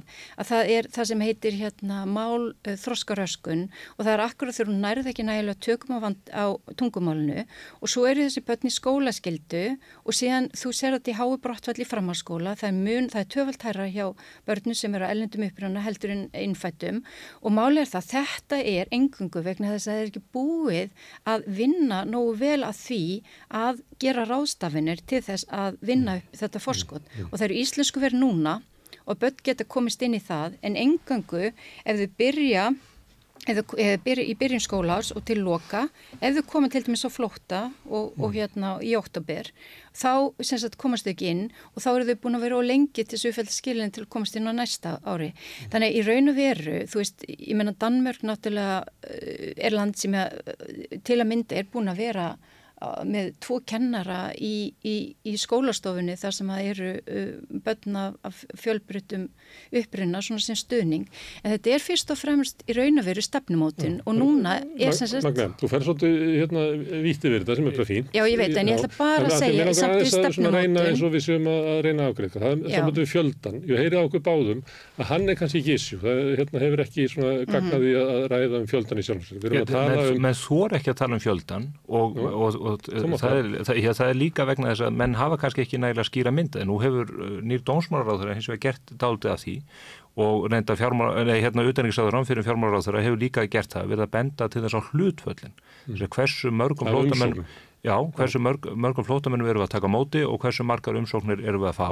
Og menn hafa reynda kvarta undan því að kerfi sé þannig að nánast öllum umsóknum uh, sé leifti í gegn. Og hér er ekki verið að tala kannski um 20-30% fleiri Eh, umsóknir heldur en á hinnur Norrlöndunum heldur þetta tugfalt meira í ákveðinu tilvíkum 13-falt meira eða 8-falt meira eða 7-falt meira. Og ég ætla aðeins að fá að bregðast hér við einu vegna að þetta er alveg típist í umræðun um þessi mál og hvernig, hvað veldur því að við komast ekkert áfram með hana að, eh, og, og, og þetta er þöggunar umræða ef við myndum spila hérna aftur það sem að sagt var til að bregðast við orðum mínum þar sem ég fór yfir stöðuna í grunnskólunum og varðandi hérna alltfjóðlu glæpastasemi það verður að ræða þessi mál í samhengi við öryggismál, ekki bara alþjóðlega glæpastasemi, nýjasta dæmið og ekki það síðasta er af þessum e, morðingja e, norður á Akureyri sem var þar komin inn í kerfi hjá okkur, það var búið að afhæmtun um húsnæði og hann gekk eins og fít maður um, um götur Akureyrar í marga mánuði, maður sem hefur, e, samkvæmt mínum heimildum, mörg mannslíf á samviskunni í gegnum störf sín hjá Ísis mm. Sem er alþjóðlega Það eru þér okkur að ræða þetta sem er ekki með þessu sömu heimildir nei, ég, þannig að þá er þetta bara hersi sem þú út að segja Nei, nei, ég, ég er bara að segja þetta eru heimildir mínar innan úr lauruglunni Ekki, það ekki þess tröstar að morgunblæð hafi byrst fréttir Og, og það, það er ástæða þess að greipið var til þeirra aðgerða mm. sem gert var með miklum afbreyðum frá því sem æfinlega er gert í þessum málum. Það er að segja að maðurinn var fluttur uh, óforvarendis úr landi á samt mm. hans fjölskyttu og aftur til Gríklands. Ég, ég, ég nefndi þetta. Þú segist að það var heimildi fyrir því, en við höfum það ekki, það er ekki það nógu trösta til þess að þú byrkir í morgunblæðinu. Ég hef tröstar heimildi fyrir þessu. Ég, við verðum bara að taka sér eins og hersi, þú bara heldur í fram að það hefur. Já, já, ég bara, ég held í stað... Það er eftir okkur að sko ræða. Þetta er bara mín orð, við getum rætt á þeim fórsöndum. Þannig eins og bara annað sem að hér kemur fram, meðal hans rannsóknir sem engin veit hvaðan koma. Hitt aðrið varðandi písakunna, það er ekkert verið að segja að 90% batna séu jáðarsett eða að það sé flótamönnum að kenna börnin okkar falli í písakunnunum. Við erum einfallega að segja að ef að kerfið sem að við búum við er svo lélegt að börnin okkar get ekki lært að lesa, mm. hvernig halda menna það verði? Ef að síðan dælast inn aðrir hópar af fólki, mm. réttilega eða ekki, mm. Þannig að kerfið... Þetta er sorglega mynd, Stefán, sem þetta dragu upp að kerfin okkar sé svo veik að við getum ekki tekið við flottafólki. Eh, ég er að segja... Flest lönd í kringum okkur telja þess að geta gert það. Nei, eh, heyrðu, mm. hér var verið að vísa í Danmörku og fjölda kennar í kjænslustofun. Mm. Sósjaldemokrater, mm. samfélkingin í Danmörku hefur tekið upp mjög harða einflýtendastefnu þeir eru, oft er nú sagt að hinn Norrlöndi séu svona 10-15 árum undan okkur mm. og ef við skoðum stöðin í Danmörku, þar sem sósjaldemokrater hafa tekið upp þessa stefnu, Kristún Frostadóttir er nú aðeins í fjölmiðlum í þessari viku fann að gefa þessari stefnu til fótinn þó hún, hún svona reyna klína rasista stimpla á, á, á aðra sem að er á svipuðum eh, svipaðri línu og síðan ef við skoðum í Danmörku það sem að, eh, nei í Svíþjóð, það sem að menn hafa rekið þessa stefnu sem hér er talað fyrir um það að þetta sé ekkit vandamál og við þurfum bara að undirbúa okkur betur annað í þeim túr. Þar er staðan einfallega þannig að það búið að kveða út herin. Mm. Yfirleitt er nú reglan svo og í löggjöf þessara ríki að herin má ekki starfað innanlandsmánu, það er lögurklunum að sjá um það. Það er núna verið að breyta allri löggjöfin í Svíþjóð þannig að sjálfur herin getur brúðist við og af hverju er það? Það er að völdum alþjóðleira glæpastarðsemi sem að hefur þrifist í skjóli af óheftri innflutning, uh, óheftum innflutningi fólks til landsins og þetta er bara veruleiki sem að menn verða að geta rætt Já. og, og, og nú fæ ég yfir mig vantarlega á miðlum í kjölfarið uh, þessa orðræðu um rasisma og, og, allt þetta sem við höfum talað um en Það fylgir bara almennu umröðu. Þetta er veruleik. Þetta er veruleikin sem að við búum við og við erum að vakna upp við vondan draum e, e, út af þessum málum sem er að koma hér upp. Eitt dæmi hér í, e, að því að þú nefndur nú morgunblæðið e, Grímur Grímsson var í viðtali morgunblæðin í morgun út af árásum og lörglumenn hótanir á lörglumenn og meðan hans lörglukonu sem að þurfti að flýja heimil sitt. E, þeir menn sem að það er ekki hlut eru menn frá Marako þannig að við erum að horfa upp á þessi dæmi og það verður að vera hægt að ræða þau Já. án þess að það sé verið að stigmatisera eða stimpla við- Við alla bara ræða þetta. En að- aðeins var enda því að taka að segjum að að það veri rétt að, að hérna, fjöldi hælisleitenda flóttafólks hefði þessar afleiðingar að herin er eh, komin í lauruglustörf í Svíþjóð. Mhm. Að þá er fjöldi eh, fólks eh, frá þessum svæðum sem að þú ert að nefna í Svíþjóð margfaldur á við það sem er hérna í Íslandi. Þannig að það sem við höfum tekið á móti flottafólki sem hefur komið til Íslands hlutvarslega í samanbyrði við Svíþjóð til þess að miðausturlöndum Mm. að það er líklega sko 20-falt í Svíþjóð með við það sem er ég held að hér. ná nú ekki því hlutfalli Innflytjendur hér á Íslandi eru fyrst og fremst fólk frá Austur-Európu ég held að ná að ekki því, sára litlu leiti frá átakasveðum ég held að það ná ekki því hlutfalli og reyndar er eh, eins og eh, þetta eru meðal annars vandamál frá Balkanskaganum sem að með þekkja í Svíþjóð Mm. og það sem ég er að segja, við erum miklu minna land, við höfum ekki hér til að breyðast við ef allt fyrir böndunum Mm. innviðnur okkar eru veikari vegna smæða samfélagsins Mm. og við erum uh, í þeirri stöðu að geta þá brúðist við núna þannig að við lendum ekki sama óefni og svíjarnir eru komin með því að taka við færri frá átakasveðum. með því að taka við uh, færra fólki allan að tempraða þannig að kerfi ráði við það og að fara gaumgefilega yfir það hverji það eru sem að hinga að koma hvernig stendur á því að íbúar á Akureyri þurft að búa við það í marga mánuði að það gengi maður laus þar sko fjöldamorðingi. Það var einhver mynd af. Guði sér lof. Já. Hva, en e, þá vaknar spurningi Gunnar, e, telur þú að við tökum á móti Nei. eða, eða, eða, Þú verður að leifa mér að vera að, hérna, Nei, nei, nú, Ég nú tekja þér völdin með það. Er, hver er þín Ég heyrist að þú því? sett ekki með þá stefnu að við tökum á, móti ómörgu flottafólki. Ég heldur fyrst og fremst að það sé hættulegt að taka við flottafólki og tilteknum stöðum. Nei, ég, Og hvernig myndir orða það? ég held að við, ég, held, ég hlusta á það sem að fólki sem að stendur í þessum strömi, meðal annars bæjarstjórnum í Hafnarfyrði sem ég vísa í áður, Já. í lögregluna, í félagsmála yfirvöld og menn er að segja þetta er komið að þólmörkum, við ráðum ekki við allan þennan ström. Já. Þannig að ég segi, Það er hægt að gera það með því að bæta hérna, innviðina eins og þú eru að að með, með því að fækka uh, hælisleitundum. En mér heyrist þú leggja áherslu á að við þurfum fyrst og fremst að, fækka hælisleitundum af öryggisjónamiðum frá átakasvæðum. Nei, Norður. Nei, nei, ég meina það, eh, það geta komið hér hættulegir menn í gegnum þetta kerfi sem er ekki af átakasvæðum. Venezuela verð ekki skilgreint sem átakasvæði en það er ekki ósennilegt að úr þessum hópi sírlendinga og reynda frá öðrum miðausturlöndum sem komu í gegnum Venezuela Mm. að þar í þeim hópi séu einstaklingar sem að e, eigi sér bakgrunn, hættulega bakgrunn það er nú eins og bentu verið á Það getur komið hættunum aðeins frá það, við vitum það. Já, en eftir að leggja til að Já, við já. tökum ekki við fólki frá Sýrlandi eða átakasvæðum, Líbanon og fleira, út af, af öryggisjónum. Nei, ég er að segja, við eigum að hafa stjórn á fjöldana sem hingað kemur. Þannig að við verðum ekki, að kerfin okkar verð ekki kafsild og þannig að það kom ekki niður á Íslendingum og íslenskum börnum. Ok, Við eigum að finna set, jafnvægið í því og við eigum að hafa verkværi í höndunum til þess að geta skrínað það fólk sem hingað kemur, sem við höfum ekki meðal annars vegna þess að píratar og vinstri grænir hafa komið veg fyrir að lögreglan á Íslandi fái til þess heimildir það, þau frumvörp hafa verið lögð fram, ítrekkað og alltaf stöðuð í þinginu Mm. á einhverjum furðu forsendum og, og, og gerfirökum og þar eru uh, rétt, réttilega eins og þú segir, það geta komið glæpað menn frá Þýskalandi eða Danmörku en við eigum að hafa verk... við sendum gleipamenn til annar landa, sko. Já, já, það er sennilega arbarasti útlutningur sem að við stöndum í fyrir, fyrir okkar samfélag Mm. en þetta eru hluti sem að við þurfum að hafa á hreinu hér eru til dæmis og það er nú bara staðfest úr ákveðinu fjölmiðlum að það eru menn sem að hafa staði núna vaktina neður á Östurvölli í þessum tjálbúðum sem þarf að koma fyrir sem að hafa líst yfir persónlega stuðningi við hamasamtökin. Mm.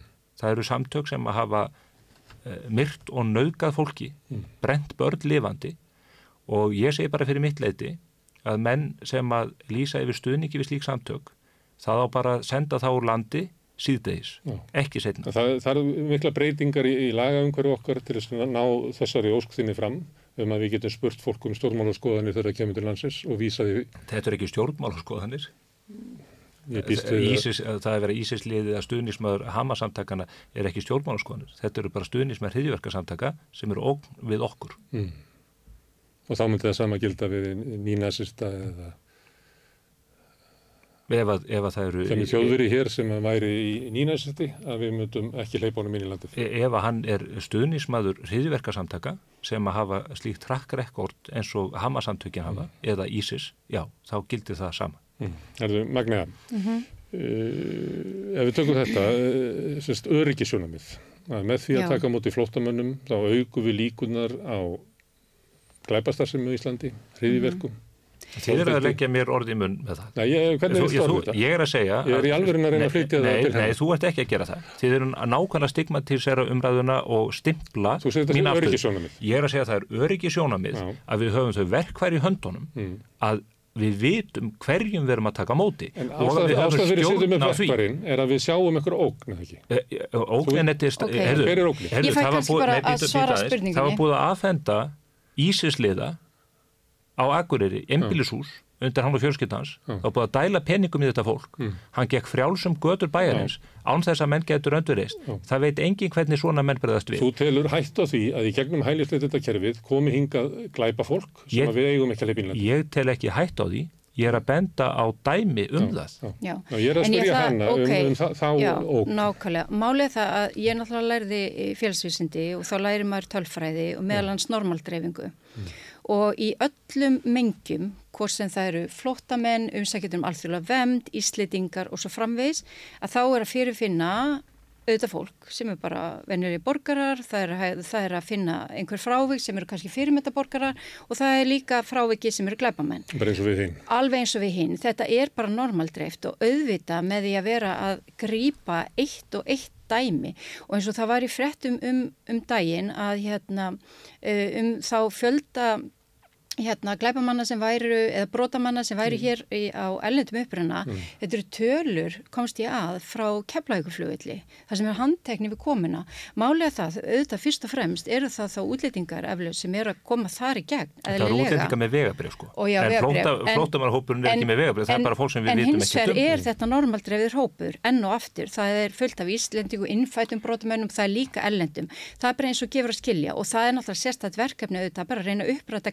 græpi alveg óhafðu uppruna og þú veist og það eðlilega ef að stafar af einhverjum almanna óg, ég menna ríkislörgustjóri hér hefur auðvitað grip til aðgerða þegar að vítisengla voru að koma hérna og vildu mhm. funda Réttilega. og þeir snýriðum tilbaka út af því að þetta var óg við almannaheil. Nú ef að kemur einhver öfgamenn og glæpamenn eru það og málega það eins og óhá trúabröðum þá er versta ógnin oft við óg við öryggi fólks og eru sko öfgamenn, það skiptir ekki máli hvort þú ert uh, muslimskur öfgamaður eða hvort þú er kristin öfgamaður eða hvort þú er gíðingi eins og einn af land, landingufólkunum og, og ofsa, ofsa trúamenn eða öfgatrúamenn sem eru þar, þetta er allt öfgamenn. Og það, eru, það er það sem að þarf auðvitað að reyna að vinna í og uppræta, það eru öfgarnar alveg óhæð því hvað farverð þar finna sér. En eru líkur á því að glæpa fólk eða hriðverka fólk komi í gegnum hælisleitenda kjörn? E, ef við gerum ráð fyrir því að þessu líka flota já, þá eru alveg líkur á því. En það eru þetta alltaf bara eins og ég segi þú veist, það er, en við höfum hérna normaldreifing, normaldreifing svartu söður, sko. svartu söður ég meina, ja, ef að svartu söðurinn kemur í gegnum hælisleitakerfið og veldur hér við erum með okkar kerfi til þess að reyna að koma í veg fyrir þetta. Við erum með alls konar upplýsingakerfi við erum með alls konar upplýsingakerfi. frá Interpol og Europol vegna þess að löggefin hefur brúðist Íslendingum í því já, það er annað, en það er líka sengen og þeir eru auðvitað með menn á, á listum sem að hérna eru, hafa verið tekni fyrir mm. e, glæpi og þýnlitt. Mm. Þannig að Sér þú eitthvað að því er að íslenska lögreglan þar. hafi aðgengi að þessum gögnum Interpol sem að, að Stefán Einar er leggja áherslu á?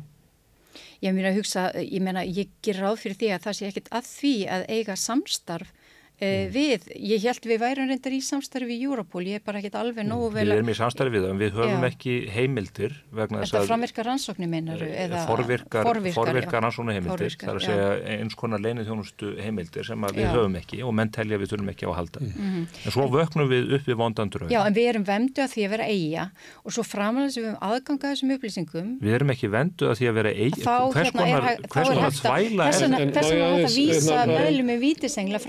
þú við getur, við vísað um þetta vítisenglum frá Íslandi og þú getur vísað vítisenglum frá Danmörku eða Þískalandi við erum ekki vendu að því að vera eiga við erum ekki á 19. öld sko.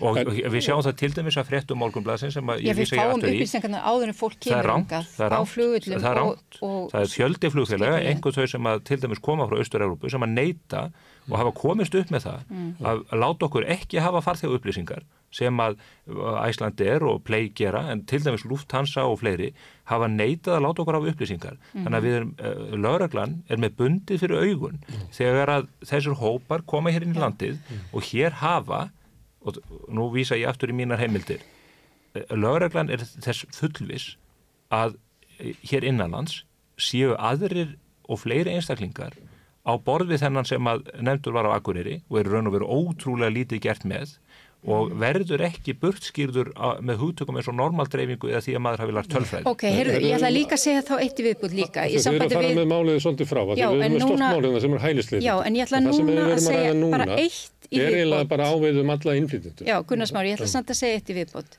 Uh, ok, að vitna í einhver menn sem eru stuðnismenn Hama sem eru þarna niður á. Sko, málið er það að það er Hamas, uh, það er ekki til alþjóðli skilgering á uh, hriðverkarsamtöku fyrsta lagi. Hamas var sett á listi við hriðverk þegar Netanyahu komst til valda 1997 og líka þá lista bandaríkjana sem voru stiðja við Ísrael og þeir voru ekki sett á lista hriðverkarsamtöka e ESB, Európsambansins, fyrir en eftir 9-11 2001 og það hefur meirins að, þú veist, uh, verið gerð aðtöðsöndið þeir séu þar, það var dómstöld Európsambansins sem eru sagði að þeir ættu ekki eru hryðjuverkasamtök. nei, þeir ættu ekki heimatna, en þeim hefur verið haldið á listan. Ég bara setja aðeins hlutin í Eru- eru- samhengi eru og þegar að viltu ekki grípa fram í, viltu hlusta? Nei, og er- ég hlusta því, ok, nei, ég ætla bara Eru ég er-? Já, heyrðu, Þú ert að- virðist vera að draga þú úr ert því. blaðamaður en hlustaði á viðmældan þú veist, hann er að hlusta á mig, nú er komið að mér. Hamas, fólk stiður fólk stiður Hamas af þremur Mm. í raun og veru ástæðum sumir þegar Hamas engungu út af þetta er ansbyrnirheiming gegn herrnáminu og gegn Mm. landránu það eru einhverjir sem hugsalega út af þetta sem pólitíska reyfingu þeir buðu sér fram sem flokkur framfara og breytinga þarna 2005 Og og einhverjir stiðja það á einhverjum trúlegum forsendum.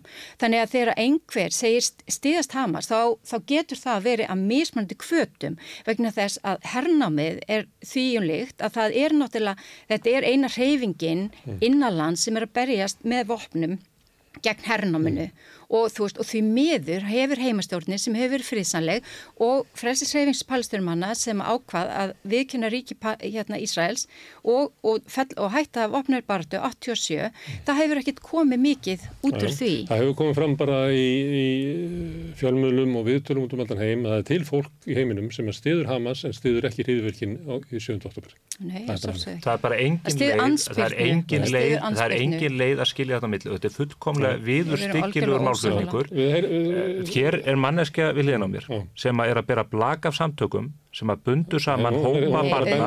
Hamas er ekki alveg svo Auðvitað Hamas-samtökin- Og stjórnarhætti. Og það er á stjórnarhætti. ólíkum forsendum sem að menn Ég er bara að styðja. segja að þeir Þetta er er algjörlega viður styggileg nálgun á þetta.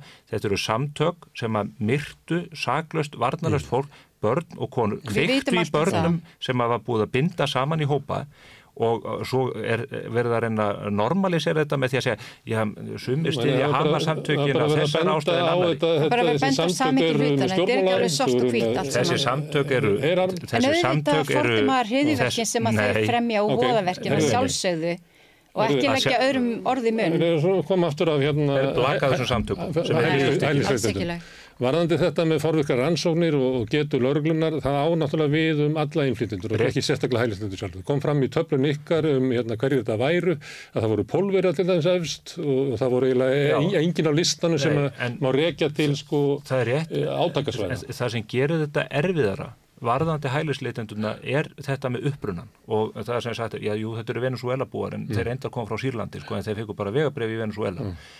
Vandin við hælisleitenduna er að hér kemur fólk sem er vegabrefslöst og uh, við vitum ekki um aldur þess og annað og það er nú þess vegna sem að hefur verið svo mikla deilur um uh, sko, aldursgreiningar á fólki. Það er vegna þess að við erum í raun og veru með bundi fyrir bæði augun þegar kemur að þessum hópum.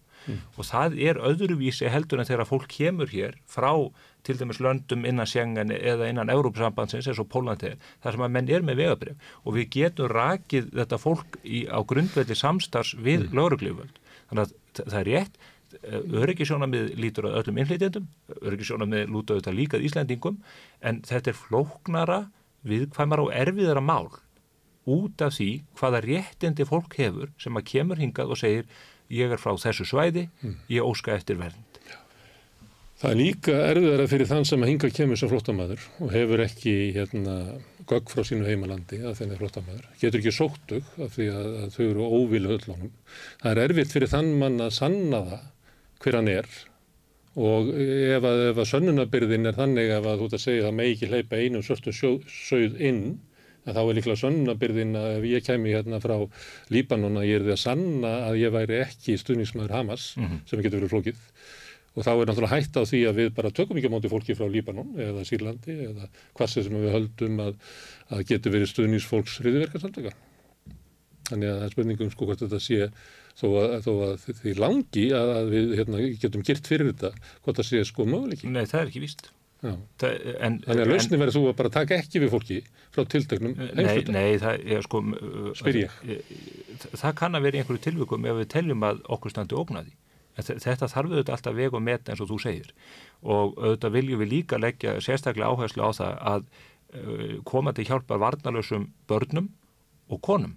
En það er eitt af því sem við sjáum líka í þessu kerfi að þetta, er, þetta kerfi er yfirfullt af ungum karlmönnum. Karlmönnum sem eru jafn, gamlir og ég og yngri en ég.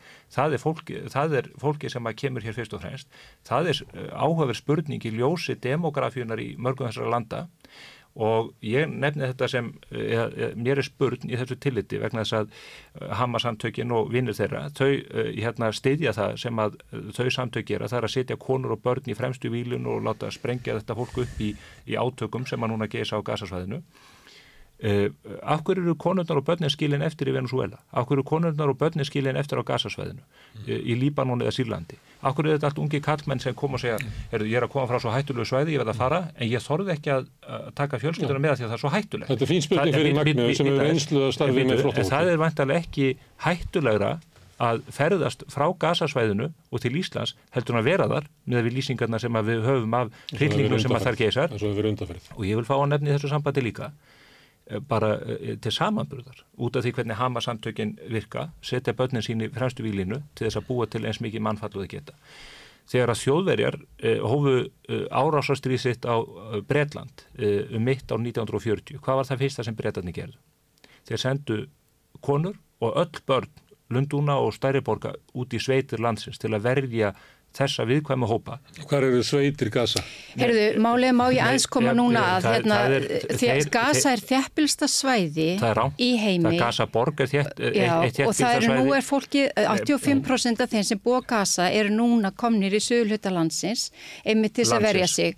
Og, þarna- sko, Gazasvæðið og eru nokkra borgir og, og hérna, þannig að ekki segja að Gaza Já. sé þéttbílasta svæði í heimi. Gazaborg er eitt nei, þéttbílasta svæði í heimi. Gaza strönd Nei, það er er bara Við það getum heldur ekki verið að Að tala einu bara þvert gegn skona mati Já. saminuð þjóðunar um það Já, ég ætla bara- sem ég ætla verður. bara að Þetta er fá- ekki- ég ætla er bara að fá að segja að það eitt. er lígi að Gaza sé þjættbílasta Ok. svæði í heimi. Það er ekki þjæppilistasvæði í heimi en Nei. næst Nei, heimi, er segjum það. Og hérna 85% þjóðunar er núna flúið meira og minna yfir í söðlutan. Það hefur ekki verið meira mannfall í röðum barna síðan 2019 í neinu stríði, það mun minna einmitt í Ukrænu út af því að hvert ferðu. Þú kemst hvorki löndni strönd. Og hérna, og er það, ef að við erum að tala um uh, nákvæmlega þetta, að þú veist, þetta séu nota sem mannlegi skildir, þá er það ekki rétt vegna þess að Það er er bara Þeir mjög sjálfir. Og málið er það, ef Þetta að, veistu Þetta það. Ísrael, má ég klára, má ég klára. Ísrael er búin að segja þeir stundi mannulegan hernað. Þegar það kemur svona hróðali árás, Mm. þrátt fyrir öllar þær hérna, tilurinn sem hafa verið að gerða til þess að upprætta Hamas, þá kemur hérna alveg hörmulega árás, hún á sér ákveðna forsögu, allt í lagi, förum ekki út í það.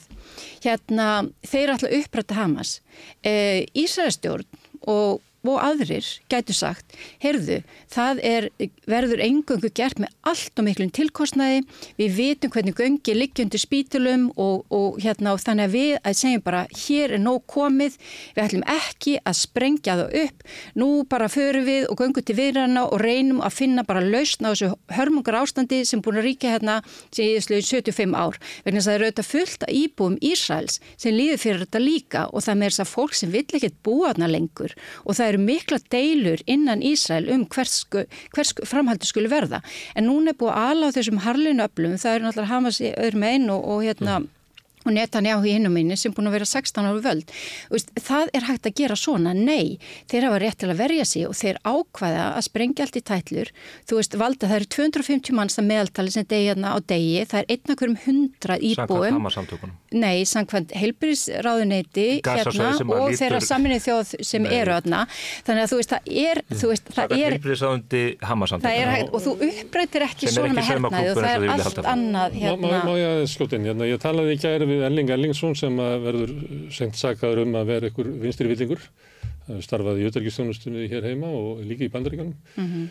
Uh, hann uh, segir að, að Ísraels er gengur fram með slíku offorsi að þó þó að það sé réttlætanlegt í, í stríði að verði einhver hérna, mannsföll á meðal óbreyttar borgara að þá er þetta svo langt umfram sem að það er. Þetta er gríðarleg Og harka þetta er, sem að þarna er í já, og þetta gangi. er bara mat, svona almennt mat af vestunum. Já, Það sem að- þetta- það sem að þetta er gríðarleg Magni er að harka. segja núna um að verða að stefna ykkur fríð er eiginlega, það liggur við að þetta sé það sem að bandaríkjastóðin er að reyna að fá íslandsmenn til þess að horfa stjóðu við. Bandarækjumenn er að setja þrýsting á það. Það, það er búið að núna í, þetta er ekkert- býtu, það er núna í hundra daga búið að reyna að uh, fá þessa gísla leist úr haldi sem er verið að mithirma og nauðga þarna hverjum degi. Því Nei, Netanyahu og ríkistjóðin er ekki að reyna það. Jú, þeir eru víst að Nei, reyna. hún er gaggrind í Ísrael fyrir að reyna það ekki. Já, þeir segja, við höldum áfram að sprengja þar til að þessir gíslar Já, verða nákvæmlega, leistur er úr haldi. þetta rétt að leiðin að halda áfram að sprengja? Ég meina, er ekki, þetta er rétt að já, manneskja- er við fórum áðan yfir í svona... Þetta er ekki þitt fólk sem að er þarna, eru þarna gíslar eða liggja í valnum eftir hýðverk ára svona 7. Af oktober. við fórum áðan frá hælisleitandurum yfir í sko, glæpi sem er átengt mál Já. og líka ástandi á gasa við verðum aðeins að halda því frá því það er ekki þannig að það hafi einhver sloppið frá gasa eftir hérna, árásetnar hófust á Ísraelsmannum Mhm. til Íslands sko, það er ekki þannig en að því að, að hérna, þú hefur reynslu að starfi með mm. flottafólki eða skoða það, þetta sem einar er að segja að, að það séu hér hérna uh, miklu fleiri, herra hlutfall karla Já, heldur en þar. Hver er ástæð þess? Ef svo er. Það er nú nánast bara kallmenn frá ákveðnum svæðum. Já, ef maður horfar á tölfræna þá til dæmis eh, eins og bæði með úkrænmenn og fleiri að þá eru kynarhlutin frekar jöfn. Hins vegar er þetta alveg rétt að það, Það er eru, náttúrulega það fær ekki, er bara ungi rangt. kallið Já, já, já. fá ekki að fara Þetta er En- en það er hins vegar þannig að það eru ofta tíðum ímist konur eða kalla sem fara undan. Og hérna það er einn og fjölskyldinni sem fer vegna þess að þetta er löng og hættuleg leið, hún er líka dýr uh, því miður þarf fólk að borga smiklurum til þess að komast og það þarf að borga fyrir að alls konar aðgang og áritanir og því líkt og það hefur kannski efni á að senda einn. Ég meina ég þekki líka sessa, til þess þegar konur hafa farið undan og svo hafa þær sótt um fjölskyldsamingu fyrir eigimannin sem er heima og börnin þrjú. Út af því að vanalega þá er mjög oft er þetta fjölskyldu fólk og það er þá annarkvort kallar eða konur og hérna og og eins og hlutinir eru, stundu fara konunar, í meil hlut að fara kallanir undan og það, þeir geta verið sko emitt mörg ár á leiðinni jáfnvel og til þess að fá alltjóðlega vemd og þeir eru náttúrulega að leita þó eftir öryggi og vemd fyrir sína fjölskyld og sækjum fjölskyldsamlingu. Mm. Það er þannig. Þetta frá dæmi frá Venezuela sem er kannski alvarlegasta dæmi sem við höfum verið að kljást við er auðvitað ekki þannig. Þetta er bara nánast ennurungu kallmenn, ungi kallmenn án fjölskylda það, það er bara hlutvallir Já, það er náttúrulega það sem að, að þeir, þeir og, fara frá. og, og, og þar vaknar þetta bara spurningin hvernig stendur á þessu, ef, ef það er ekki fjölskyldan sem þeir eru að skilja eftir, hvað, akkur er ekki konur í þessum hópi? Og ekki að þetta löng uh, þú, þetta tekur ekki mörg á Þú trúið ekki að það fari einn og undan og komið sér fyrir og fá, svo komið Ég held ekki og ég held að Það er erfitt að vera í óvissunni með kannski Ég held að þetta sé ekki löngferð Hjón með, með fimm börn, það getur verið erfitt að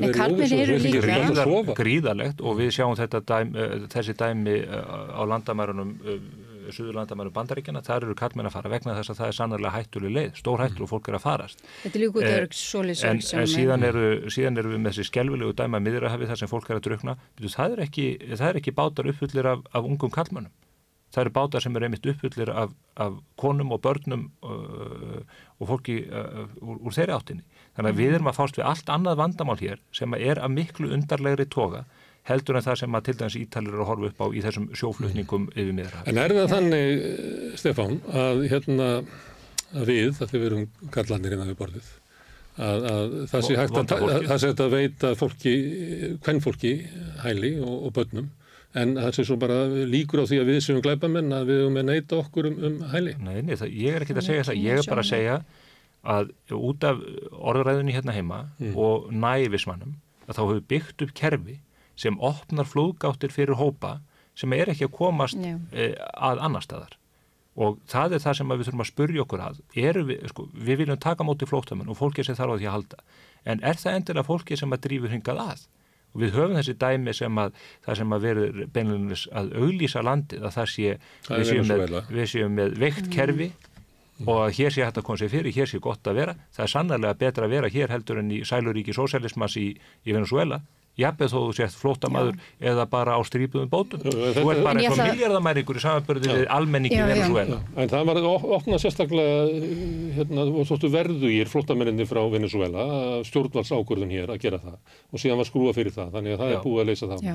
en er, er sérstaklega við... vandamál í því að hinga komi ofmikið af kallmönu frá tilteknum landsvæðum? Ég held að það geti skapað ákveðin vandamál og hvernig getur við stoppað það? hindra það að verði vandamál Já, við hefum að gera e, e, eitt, eitt af því sem við hefum að gera mm. er að fara að minnstakosti í sömu átt og hinn Norðurlöndin. Við hefum að byggja kerfi sem að gengur að minnstakosti jafn langt í að verja landamærin og hinn Norðurlöndin. Vegna þess að við erum í veikari stöðu við erum með veikari lögjæslu, við erum ekki með herr við erum fámennari við erum með mjög veikt málsvæði sem á undir högg að sækja. Þetta er all hlutir sem við þurfum að taka inn í þessa jöfnu og ef að við ákveðum að leika hér eh, einhvers konar frelsara mannkjensins og segja, já, hinn Norðurlöndin það getur verið að þau þurfa að þrengja hér að sína landamærum, en leifiði öllum að koma til mín og varni þeim eigi, að þá enda þetta bara með hreitni skelvingu. Já, mér langar að bæta einu við tvennu reyndar. Í sambandi við sko kalla sem koma á eigin vegum og eins og segi mjög margir eru fjölskyld föður, sækir fjölskyld sammenningu vegna þess að þá getur konan og bönnin e, farið með örgum hætti frá löndunum vegna þess að þetta er oft stór hættilegt og konur eru meiri hættu á að lenda í mannsali og, og, og hérna kynferðsleir mísnótkunn og þvílikt á leiðinni. Mm. Svo í sambandi við sko Norðurlöndin og verja landamærin og verja málið og hinn hvita uh, kynstopp ger ég ráð fyrir. Nei, sko, uh, hefur, okay, nei, nei, nei, nei ég sitt ekki, nú lappa ég hérna út. Okay, ég, ég lappa hérna út ef þú tekur þetta ekki tilbaka þetta er algjörlega viðurstygg þetta er viðurstygg ég tek þetta tilbaka en máli, nú er ég að segja. En ég ætla að segja, eitt er það að öll Norðurlöndin, þau eiga eitt sammeilett hvað eiga þau sammeilett? Ok, þau eiga það sammeilett að vera mjög einsleitt ríki. Og hérna og þau hafa í gegnum tíðina verið mjög einsleitt. Síðan byrjar fjölbreytnin mm. og þau eru ekki sko ólíkt til dæmis Kanada sem er sko fjölmengaríki að upprinna. Það sama má segja um bandaríkin og fleiri ríki og stepp stefnan sem að til dæmis Kanadamenn, þú veist ég held að sé að fólk af 143 hérna mismunandi uppruna sem býr í Kanada. Þeir eru með sína sérstöku stefnu, þeir eru sérstaklega með stefnu sem talað um sem kanadiska legin þegar kemur á mótöku flóttafólks. Mm. Það er verið að promotera það að flóttamanna aðstóð eða, eða hérna hvetönnu ríki til að fara þessa leið að flóttamanna aðstóð saminuð þjóðana og hún gengur út af það, þetta er svona samfélagslega ábyrg sem fylgir því að taka móti flóttafólki sem ekki engungur ríki og sveitafélög að bera ábyrð á, heldur eigi með kerfspunni hætti aðkoma félagsamtæk og einstaklinga. Og þetta hefur verið, ef verið að innleiða meðal annars með tilhörnaverköpnum á hinn Norrlöndunum. Og síðan að þá eru þeir með stefnu sem þeir vita að alltaf þegar fólk kemur, hvort sem það er með doktorskráði, ellisfræði eða, eða óment, það lendur út af jæðrinum og það þarf að vera með stefnu sem að kemur smátt og smátt fólkinu inni með einströmmin þannig að það getur orðið gegn, eh, góður og gegnir þjóðfélstegnar og ég er að segja, erum við kannski að horfa upp á það mm. að sko innflytjenda og flótamannastefna á Norðurlöndum sé að býða skipsbrott vegna þess að, og það liggi kannski í vandanum sem er að þetta eru einsleit ríki. Þau eru ekki vön að taka á móti mm. fólki mm. sem er með mismyndi menningu, mismyndi trú og svo framvegs. Mm. Og það kom hérna einu svona profesor í mannrettindum frá Kanada sem var að tala hérna á jafnreistingi og hann er uh, sjálfur upprunnin frá Eikeftalandi og er muslimi og mannrettindulega og hann var til að mynda að segja bara mjög jákvæmt sko að benda á dæmi um sko hvernig þú veist lönd þurfa að fara að takast á við fölbreytileikan og þetta var sem sagt dæmi af, af konu sem að kerði manni sem fyrir ofbeldi en hún vildi ekki fara inn í domsúsið út af því að hún uh, ber slæðu og hérna og það má ekki vera með tróðlega tákn í domsúsinu Uh, það var mikið um hérna deilumönda meðal eins og feminista og, og, og mannetita lagfræðing og fleira og svo er hugsað, ok, hvort er mikið vegara í raun og veru, þú veist að það sé ekki trúlega tákni í ofnjörum byggingum eða hún fái réttlæti. Þannig að hún fekk að, að mæta með slæðuna í domsúsi út af því að þóttu mikið veri. Í Nýja Sálandi er það þannig að það eru auðvitað búið kennslaði en þú ferð fyrir aftan skjá til að mynda. Þannig að þú geti verið þá með slæðuna og, og hérna en samt fengið mm. réttlætt. Þannig að sko máli er það að kanadamenn þeir eru, þú veist, einna fremst komnir og eigum við þá ekki frekar að líta mm. til fyrirmynda þar sem hlutni ganga kannski ekki áfalla laust fyrir sig en þó betur og mun betur heldur en hugsalega á Norðurlöndunum. Og hver er Norðurlöndin þá grípa til að, að loka sig af? Mætti orða þannig að munur, eins og þú lýsir hérna, innflýtildastefnu og heilisleitildastefnu Kanada að það sé byggt upp á því að að hælisleitendur og innflýtendur séu mannauður mannauður sem, sem er fjárfæst í en það þarf kerfi. og þar meðal hjá okkur Já. sem fríðakar litið á, á þá sem að hinga að koma sem óg Ég ætla bara að segja eitt til dæmis hvernig við lítum á. Við erum með útlýtingastofnun mm. útlýtingar og við erum með eh, sko vorum með fjölmenningar setur en það var lagt niður og nú erum við með fjölmenningarsvið innan stopnuna sem heitir vinnumála stopnun þannig útlýtingar og vinna. Veist, hefðbundið þú veist, á öllum Norrlöndunum það hefur útlýtinga fyrst og fremst verið vinnuafl og þeir hafa komið inn. Og svo þetta koma í auknumæli sem flottamenn og, og það var, það hefur orðið breyting á þessu, það var meira um það að það veri, að verk, kannski fólk kom að vinna og svo fór það aftur til síns heima. Það mm. farið að setja stað í meira mæli. Meðalaldi þeirri sem búa hérna á Íslandi eru 25 til 49 ára. Þetta er fyrst og fremst vinnuafl vegna þess að atvinnur þátt að þeirra sem eru á ellendum upprönu í Íslandi, hún er hærri heldun Íslandinga mm. hins vegar að þá er að verða breyting. Fólk er að setjast meira að, það fyrir að aukast auðvitað í rauðum batna, það koma auðvitað líka flottamenn og það eru fleiri fleiri að verða eldri borgarar mm. á Íslandi og þetta er allt svona og núna þó, það er jákvæð það sem Ríkisvöldin hefur gert, það er byrjuð það er komin út grænbót um málefni inflytjand og flótafólk sem er svona stöðumat og greining, það er reynda búið að setja sko stefnumótina sjálfa, kvítbókina á uh, fresta henni eitthvað Já, það kom í fréttum sem mm. er náttúrulega alls ekki jákvæð vegna þess að við þurfum stefni sem málaflokki mm. og hérna og ég vil bara benda á það að það er búið að vera, þú veist, eftir hruni til að mynda, hvernig hvernig sko undirbyggjum við og tökust á við hlutina. Stefnu þegar við fengum hérna lán frá alþjóðu gældurisjónum þá var það krafa sem þeir gerði fyrir lánveitingunni Íslitinga fær að vinna sín mál öðrisi. Það veri stefnumótun sem lægi baki fjármála áallun. Þetta voru alltaf einsas hérna, fjárlög og langur bandormur. Herðu, nú er þetta fjögur ár og það veri að reyna að móta stefnu, jáfnvel til langtíma stefnu til þryggja ára og svo erum brotinu upp. Það kemur með svo fram í samtalinu okkur já, er að segja stjórnleysi, stjórnleysi kemur til að því að við erum, já, við, stjórnleysi líka kemur til að því að það er ekki búið að, að sjá hvað framöndunum gera ráðstafanir og, og byggja þá upp kerfi sem tekur á mm.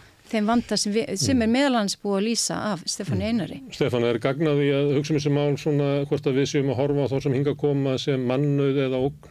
Við hefum að líta á alla sem mannuð og það er ekkert það eina sem á að líta til í þess samhengi þó að hér sé þessi glórulösi málflutningur þar sem að menn eru stimplaði sem einhvers konar nazistar og talað um Íslands samfélagi eins og að það sé svo ömurlegt að því að það sé einsleitt þetta er, þetta er algjörlega óþólandi umræða.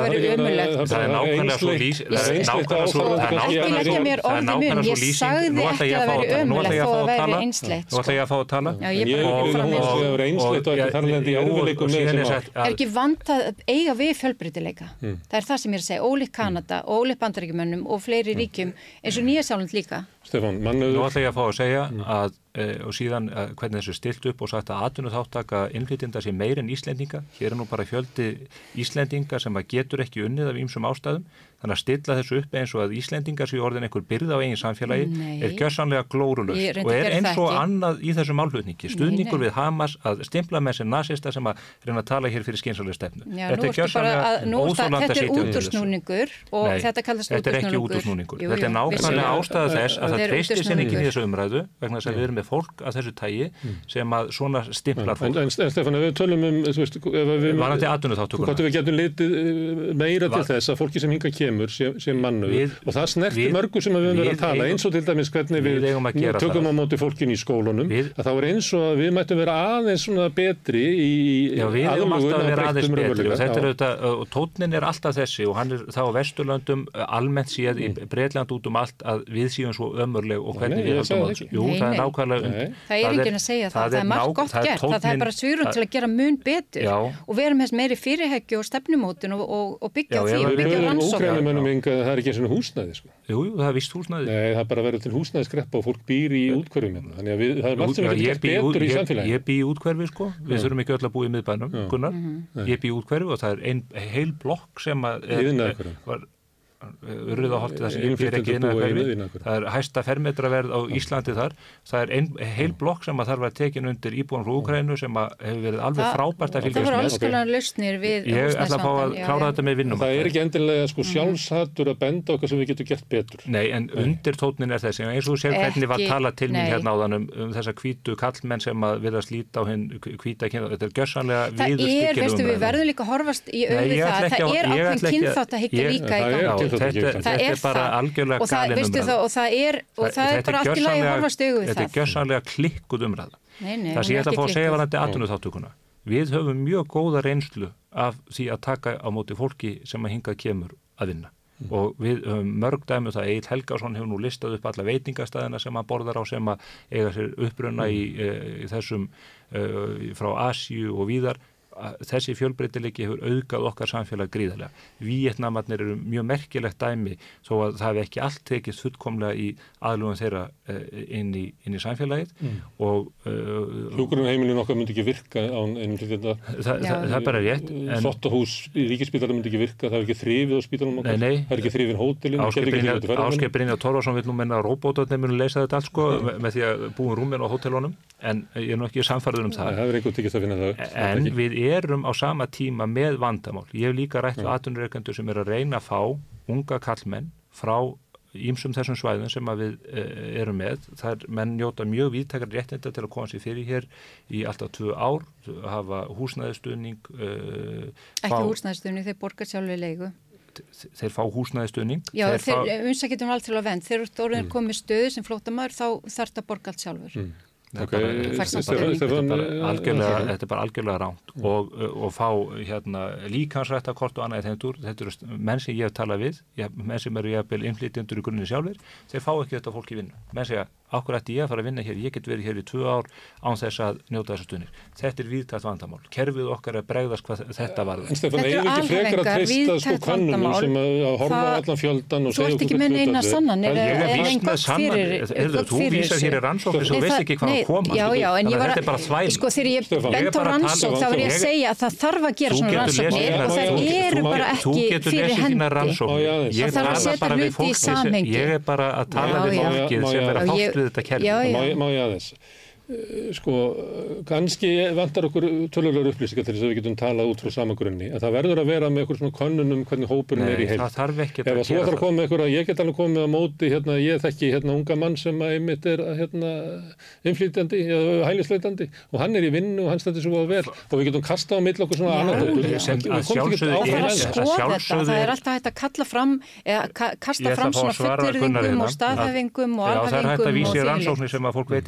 sjálfsögðu var bara sem dæmi Það það sem þarf að hlut- gera Það er bara hlut af þarf að þvælunni. gera Það sem að ég er að segja, við höfum sjálfsögðu fullt af dæmum. Ég hef rætt við sko, fullt af úkrænumönnum sem að vinna hér dag og nótt ótrúlega duglegt fólk sem segir ég er ekki komin hér til að vera byrða á samfélaginu ég ætla að leggja mitt að mörgum og þetta er fólk sem á í miklum sárum og á mjög bátt. Þannig að það er En frá Sýrlandi, hefur eitt svoleiðis fólk sem að vinnur hér? Já, já, og, og, og frá fleiri svæðum Líbanon? en það er hins vegar vandi að kerfið okkar e, tekur þannig utanum of stóran hóp að fólk getur verið hér án þess að leggja til samfélagsins nokkuð hlut í of langan tíma.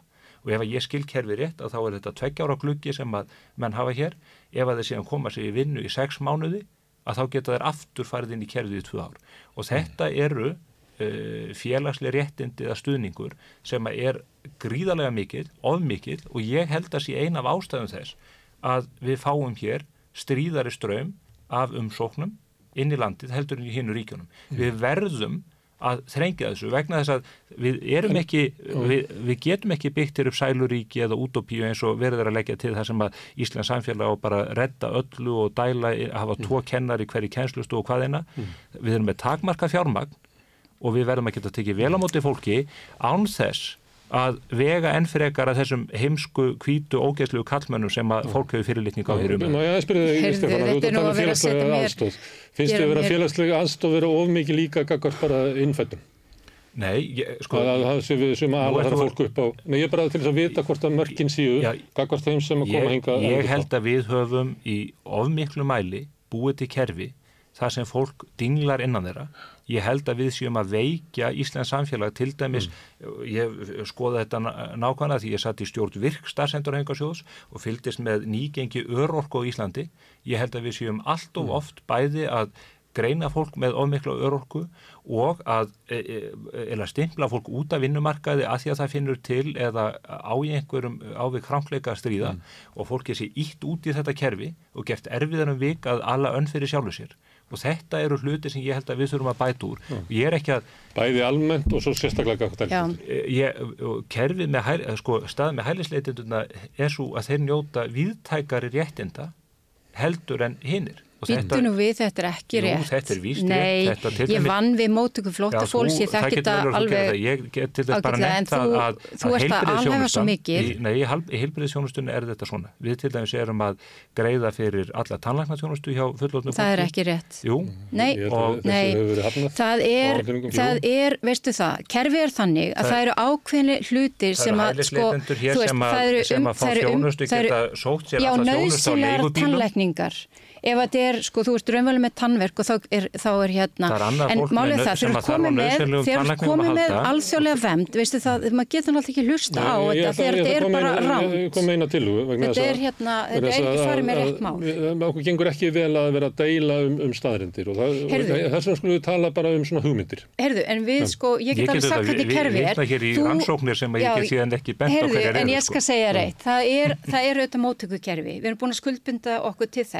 að eru, veita fólki dvalarleifi og þá er gerð krafin það að það sé einhvers konar móttökukerfi. Móttökukerfi fælst í því þurr komið með alþjóðlega vend, ég er ekki að tala um umsækjadur um alþjóðlega vend, þeir eru líka með, þeir eru með annars konar stöðning, en þá færðu fjárhagsástöð frá því seitifalegi sem þú ert hjá, þangu til þú ert náttúrulega komin í vinnu. Uh, þú, Hversu lengi? uh, sko, Hversu sumir, lengi? sumir komast ekki af Hversu fjárhagsraðstof. lengi gildir fjárhagsraðstofan? Málega það að Hversu móttaka flótafólks er eh, prógram sem er í tvö ár og síðan er Já, hendinni slepta tvö ár. Nei, þú getur... ef, ef er þú atvinnuleysi. Ef þú fær til dæmis örorkumat á þessum tíma, þá færðu örkupætur. Ef þú finnur ekki vinnu, kannski út af áfallastreitur öskunni eitthvað, þú ert ekki virkur, minn- getur ekki fara á vinnumarkað, þá heldur áfram að fá fjölslega aðstóð. Flestir hins vegar leita vinnu og meirins að krakkar í skóla, þau fara að vinna með skóla, er í framhaldsskóla eins og FB og tekniskólanum. Heyrðu þetta færðu. Nauðsela tannlækningar, það er tannlæknistyrkur. Heyrðu notabenni, allt það sem flotta fólk á, það hefur líka þeir sem er á fjölslega aðstóð almennt rétt á.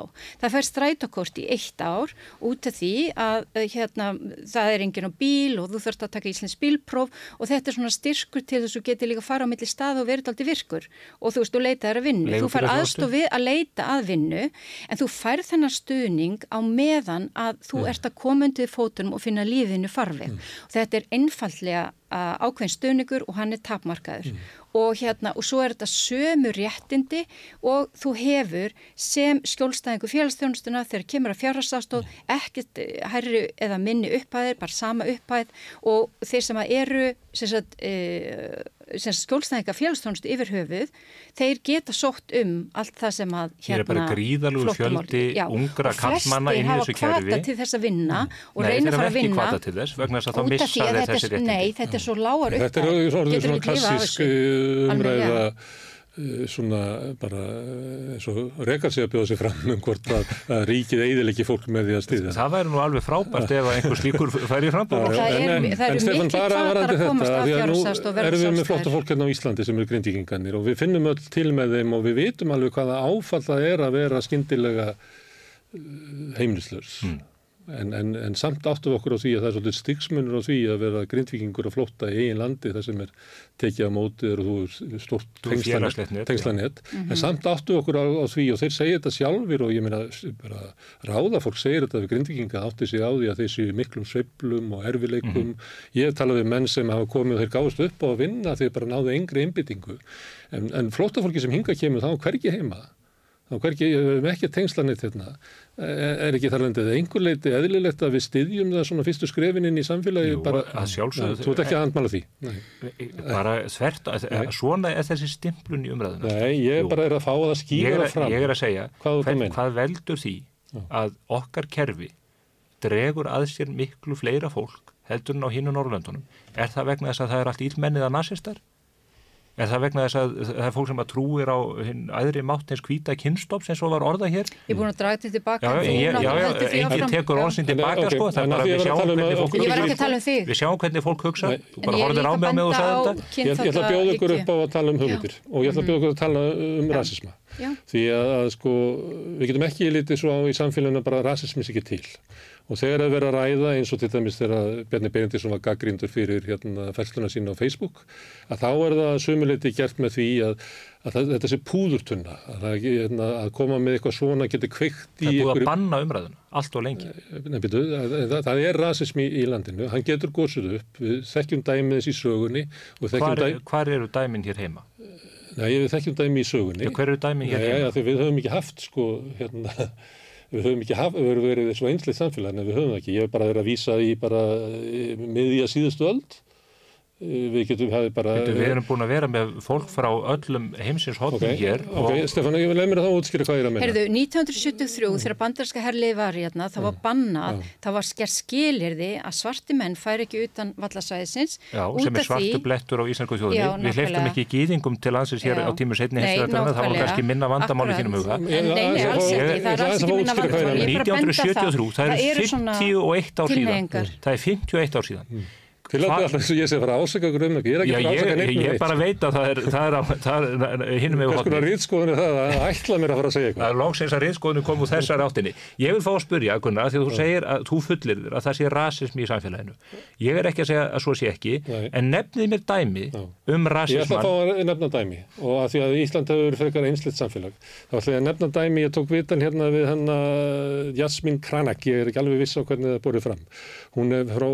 að og það- hún var, varð á flótta þar í, í átökunum í uh, Balkanlöndunum Og það var magnað að hlusta á hana vegna þess að hún var náttúrulega barn á þessu tíma, hún var 12 ára, en samt hafði svona eitthvað skilning á samfélaginu í kringu sig eins og þegar við vorum 12 ára. Og hún lýsir svo þannig að þegar átökinn hérna hörnuðu skyndilega, þá gerðist það á einni nóttu að hún og fjölskyldu hennar voru, sagt, tilherðu ekki, þau voru, að, mm. þau voru ekki borgarar lengur í borginni sem þau bygguðu þau voru ekki sko hérna að sömu tegund og fólki sem að varðar og þau voru rakin í burtu að flotta og þannig að það er við þekkjum dæmið þess víða í heiminum að, að, að þessi tilning að, að aðgreina okkur í við og hýna þetta er bara raunvöldett fyrirbrið Er þetta dæmið um rasismann á Ísland? Ég er að tala um út frá hverju ég er að spurja og það er þeirra að vera að tala um það að það getur verið hættulegt þegar að er verið að ræði þetta með sama, þeim hætti sem að Bjarni Bjarni gerði, það var gaggrindu fyrir það Hvað var það í hans orðum sem að Ég er bara að vísi það að hann var gaggrindur fyrir það að, að vera að leika að geta kveikt í púðutun. Hann var ekkit að spyrða þess að hann var bara bend á veruleikan eins og hann er. Þú, þú telur að hann hef ekki gert það. Aðrir bendu á að þetta veri hættulegt Það er vegna þess að umræðan er alltaf skotið niður. Þú sér orðræðuna bara í, í minn garð hér hvernig þetta er að það er, straffærið í mjög alvarlegar ásakan Það er rasism í samfélaginu Já, hann til dæmis þá byrtist hvað var gýðingum í dag sem að telja sig ekki öruga ef að, ef að það er dæmið. Í, ég held að við, við séum alltaf með hóp Fordóma kakot Ísland á Íslandi? Já, já, fordóma eða það að fólk hefur bara ólíkt viðhór til þess. Að við vitum það til dæmis að innan Íslam í á stórum hópum þeirra sem aðhyllast það Eh, það trúabræð, er viðhorfið til hvenna ósamrýmanlegt þeim kröfum sem að við gerum til mm. mannréttinda á Íslandi og þegar að menn bæta já og við, ég ætla að nefna eitt dáltið áhugaður dæmi bara út frá mm. sjálfum mér. Ég er alveg upp í litlu sjávarþorpi vestur á fjörðum, ég mm. fættur 83 tíu árum eftir dæmi sem að þú nefndir á þann og uh, þarna vorum 900 íbúar eða, eða um, í krigum 1000 íbúar þegar ég er bann og ég man ennþá þegar ég sá þeldökka mannesku í fyrsta sinn. Mm. Það voru nýgerjubúar sem að komu til Padrisfjörðar og lögðu samfélaginu mikið til mm. með sinni atvinnu þar. Að segja hvað samfélag var einslitt. Það var óbóðslega einslitt. Mm. En ég eh, held að þetta fólk hafi ekki mætt öðru en opnum örmum í þessu mjög einsleita og mm. lokaða samfélagi. Þannig að ég held að við séum eh, enn á ný rosalega hörðuð okkur þegar við segjum að hér þrýfist rasismi og það er einum mynd að Íslands samfélag sé rasist og, og hér sé kynþátt að higgja 90, 95% 99% af almenningi á Íslandi tekur öllu fólki á grundvelli þess karakter sem það hefur að geima frekar heldur en litarháttar og uppruna. En svo erum við með innan okkar samfélags eins og allra annara brjálaðinga fólk sem að er að draga fólki dilka á grundvelli litarháttar og annars líks en það á ekki að verða til þess að dæma alls samfélagið eða halda þið fram að þessi fæsla frá Bjandabendisrinni sem var fullkomlega saklaus í mínum huga mm -hmm. og, og segja að þarna uh, sé verið að kinda undir púðutunni. Þá eins og einn æsismar akkur ekki að dæma alla, allan hóp hérna, flottamanna. Ef að ég myndi vilja vita hvernig rasismi byrtist á Íslandi að, ég myndi ekki spyrja þig Ég myndi spyrja fólk sem er til dæmis doktorhörund mm -hmm. Og, og ég þekki svona fólk. Og það talar um þú veist linnulust svona mikroáreiti Í hverju felt það? Það sem að það upplifir að, að það sem að það kemur að þá er hort á það sem uh, það passi ekki inn í hópin Ég hafa dóttir sem er frá Afríku. Hún hefur þurft að leita til sko, skóla yfirvalda út af sko, einelti, út af hörðslit sín mm -hmm. Og hún, og skólastjórin segir við hann að ja, hvað finnst þér að við varum að gera? Þetta er nú viðbræðið þannig í Íslandi. Ja, er, þetta er bara raunvurlega. Þetta er veruleikið sem þarf að taka á. En, það, en, en, en, þú, en enn á ný nefna menn eitt dæmi og segja þetta ávið um Íslands samfélag. Ég pröfaði nefna dæmi um Jasmine það sem að vera svona hugmyndalegra en að því að þú fórst að vitna í þín mm. eigin sögu þá neytist þið til að draga þetta Nei, ég menna, og þetta, eru, þetta er vond en mm. þá spyr ég þig enn á ný er, er óeðlegt að spyrja fólk hvernig vilt þú að við bregðast við? Er það rasismi? Tólur að bann Ég er bara bent á viðbræðsleysi skólakerfisins gagvart þekktu vandamáli Ég spyr, Gunnar, er það ekki einmitt virðing við fólk að segja, hver, hver, eh, það er ekki þar með sagt að skólinn eh, hafi það eina úr, ég er bara að segja við, við reiknum okkur Íslendingum alltaf til að við, eh, við séum vondi kallin í þessu málum. Mm. og þetta, við sjáum þetta, þessi umræða hún er alveg, hún, er, hún flæðir yfir á Vesturlöndum í dag. Ok, það er rasismi í samfélaginu, verður samlega það. Það er rasismi í öllum löndum. Já, þú vill ekki áherslu að það séu fólk sem er ekki rasistar. En Ég vil ekki áherslu á það að meiri hluti samfélagsins Já. er bara gott Já. fólk sem vil leggja sitt Já. að mörgum til þess að hjálpa þeim sem eiga um, sártabinda. En þegar maður talar um þessu rasismi í samfélaginu, En það sést það meðal er annars ekki í stuðningi ásökun á alla séu rasistar. Ég, Það skiptir ekki máli hvort þessu 5 það eða er sagt 50 að Ísland sé land kynþáttahyggju og hér sé grasserandi og þetta er orðræðan sem er í gangi. Meiri hluti Íslendinga, löggjöfin sem við búum við, allt þetta, þetta er, er fyrst og fremst hugsað til þess að tryggja jafnrétti allra. Það koma auðvitað upp dæmi og uh, það sem að það er ekki gert og þar bregðust við við af hörku og eigum að gera það.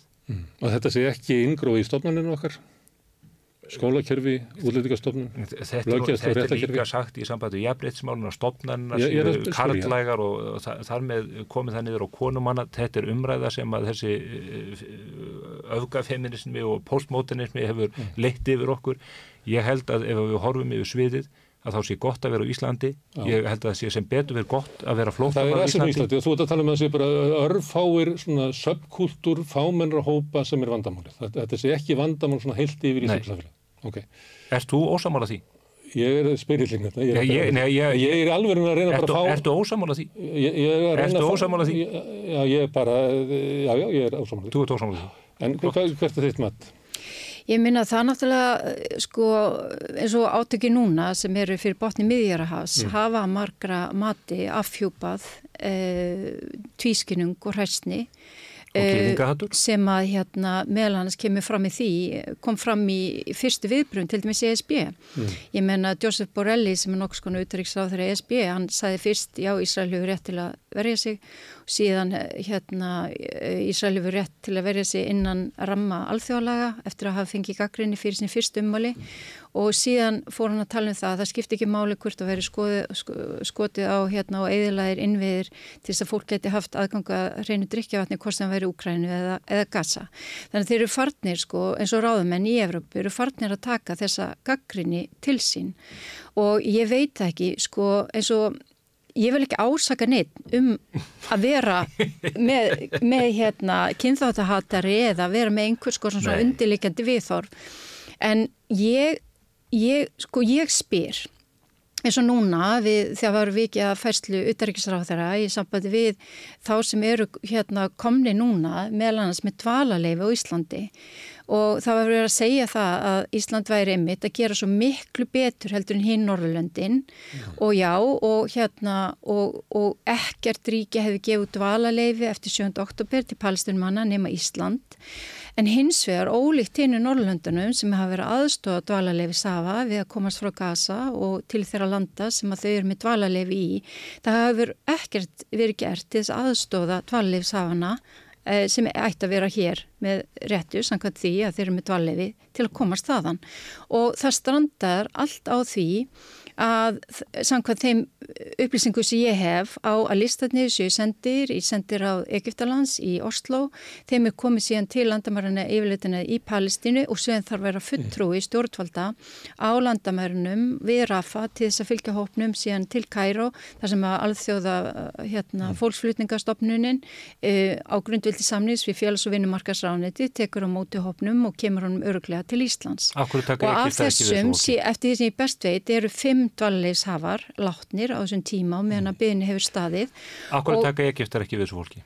Akkur taka Jórdanir ekki við þessu fólki? Egyptar taka ekki taka við... Akkur tekur Katar sem er með 20.000 af tómum íbúðum ekki þessu fólki á sama tíma þetta er, þetta er dvalarleif á grundvelli fjölskyldusammenningar. Það er verið að samina fjölskyldur og þeir hafa þennan lagalega rétt á Akkur fóruð þessi menn Íslandi. ekki til Egyptalans eða Jórdaníu? Akkur fóruð þeir ekki til Katar þar sem þetta er- stendur Þetta er er, eru Íslands. palestinmann sem hafa verið hérna áður en þessi átök brutist Magna út. því þetta er í kaplanum um, um, um rasisma. Heldur að þessi afstæða íslenska stjórnvalda ráðist af því eða vilja leysi þeirra til þess að stíga þarna inn af því að þetta fólk er eh, annara trúar og öðru svo litin. Ég ætla ekki að svara fyrir stjórnvöld eða fyrir ráðamenn eða hvað ástæður uh, liggja þar að baki en þú veist eins og utryggisræður það var að tíðrætt um staðrindir og þá spyr maður bara hvaða staðrindir liggja að baki þessu aðgerðarleysi og það er í raun og veru uh, Norrlöndin, hinn Norrlöndin, hafa verið að gera þetta, maður hefur bara séð það á, á fyrirleikjandi gögnum, en ekki Ísland. Þannig að þá er það spyrmaði sig, hvað líkur á baki? Ég veit það ekki. En, og ég vil ekki halda hennu fram út af því að þá segir hann hérna félagin minn við hliðana eitthvað. Þú ert Stefán. Já, ég er orðin Þú mátt bara halda því fram. Haldu bara En því ég- fram ég sem þú spyr- ég- þetta er bara bara hugsun, spurning. Hún gerir bara það sem henni sínast Já, en málið er bara það að það er, það er ekki þetta að neyta því að hérna, að það er, það er, það búið að benda á það oftar en einu sinni Í rannsóknum? Nei, eins og með úgrænum en ég meina öðlilega að fara það til annara landa uh, út nágrannlanda. Mm. Það gera flestir uh, flottamenn. 70% og 80% af öllum flottafólki það er í nágrannlöndunum sem að Ég móti þannig að Íran og Pakistan til dæmis eru með flesta flottamenn frá Afganistan svo dæmi sér tekið. En af gasasvæðin, af hverju er það Og- fólk ekki, af hverju kemst það ekki að svara, þú þekkir þetta svo, Já, af það- hverju komast þeir ekki að í Egiptalandi eða Jórdaní? það er ástæð fyrir því vegna þess að Arabalöndin hafa verið á þeirri skoðun og þetta, er með þessa, þetta eru ástæður sem Egiptar hafa sett fram er einfallega ef að þeir fara að flytja leifa palstinmennum að koma yfir til Egyptalands að þá munir aldrei fá leifi til að snúa tilbaka. Nákvæmlega eins og er að 1948, sýna fram á í sögunni. 1973 Flóttafólk fær ekki að koma tilbaka. Já, flóttafólk fær ekki að koma tilbaka og öðru lagi að þá hafa þeir líka ágjur af því að Hamas muni koma sér fyrir í Sinai og fara að skjóta á Ísrael frá sínu eigin svæði og þeir eru með friðarsamkóla náttúrulega við Ísrael. Þeir hafa lagt það til, þeir óttast það að fólki sem taka móti fara að skjóta á Já, Ísraela. Ég er að segja hvað þeir segja. þeir óttast að þeir því að taka móti fólki sem að muni beita vopnum. Ég vissi að þú myndir grípa þetta á lofti en þetta er það sem þeir segja. Hins vegar hafa Egipta líka bent á út af því að Ísraelsmenn að tala um að þeir séu með mannulegan hernað. Akkur hleypa þeim ekki í gegnum landamenn stóð sem heitir Keram Salam, rétt hjá Rafa og þá fara þeir inn í Negev eðimörkuna sem eru á Ísrael. Akkur fá þeir ekki Egyptarnir. út af því að veistu, þú varst að segja hérna, hvað gerðu þjóðverjar og nazistar í setni heimstöldinni, heyrðu til þess að hérna vemda konur og börn það fóruðu með í sveitirnar, heyrðu Ísraelsmenn gæti bara tekið fólk og farið í nasistaflósi, ég var að vísa til breyta og hvernig þeir byrðust ok. við undir árásastriði allt í lagi, en þjóðverja. Ég er að segja, ef að Ísraelar vildu þá gætur tekið fólk og setja bara í Negev og verið með þar í flótamannabúum og meðan þeir eru upprætt Hamas. Þeir gætu samkvæmt gert þessu, bent á þessu treysta sig til að taka á móti og þessu fólki Egyptar vegna eru að að afhjúpa telja- ákveðna hræstni líka Ég- og tvískinung sem er í gangi Já, í þessu þannig að þeir kerfi. fórna mannslífum vísvitandi til þess að afhjúpa hræstni. Þetta er svo glórulaus og í ótrúlegu ábyrðin á málflutningur. söldu saman líkur hún núna herðum í að segja Ég er að tala um þá sem að eru við með Þú- þú Íslandi, ákveður er ekkert gert þú vilt að Egypta taki bara á móti þeim. Ég- Þú ert að segja En fjölskyldunar eru hér, þetta eru fjölskyldusammenningar. Ég, Já, en það er bara það, fínt að vita það. fólk, hérna, þetta, þetta er margflóki mál Mm. afhjúpandi. Það heyrist á samtalinu að það fer svona, að það er margt sem hangir á spýtunni og, og ólík mál kannski og skild eins og eh, hérna, hugmyndunum að ræða hælisleitundu það felst kannski ekkert í því við þurfum að leysa sko, ástandið á gassa þótt að að tengist sögu ímis að En það er náttúrulega, þú veist, Og hvaðan og kemur þessi með flottamanna vandi? aukna glæpa, hérna, glæpatíðni Já, og, að að benda auðveldri á samskipti eitt. myndi landa, það tengist þessu ekki alveg Já, en, en- við tengjum svo mörg svona mál inn í þetta Já, en það, við það er líka þú, það erum flottamanni, flottamanna ströymir. Við erum gerendur og vonda fólki þessu en auðmikið Já, Egyptarnir ok. þeir þóri ekki að taka móti þessu fólki af því að það mun hefði árásirinn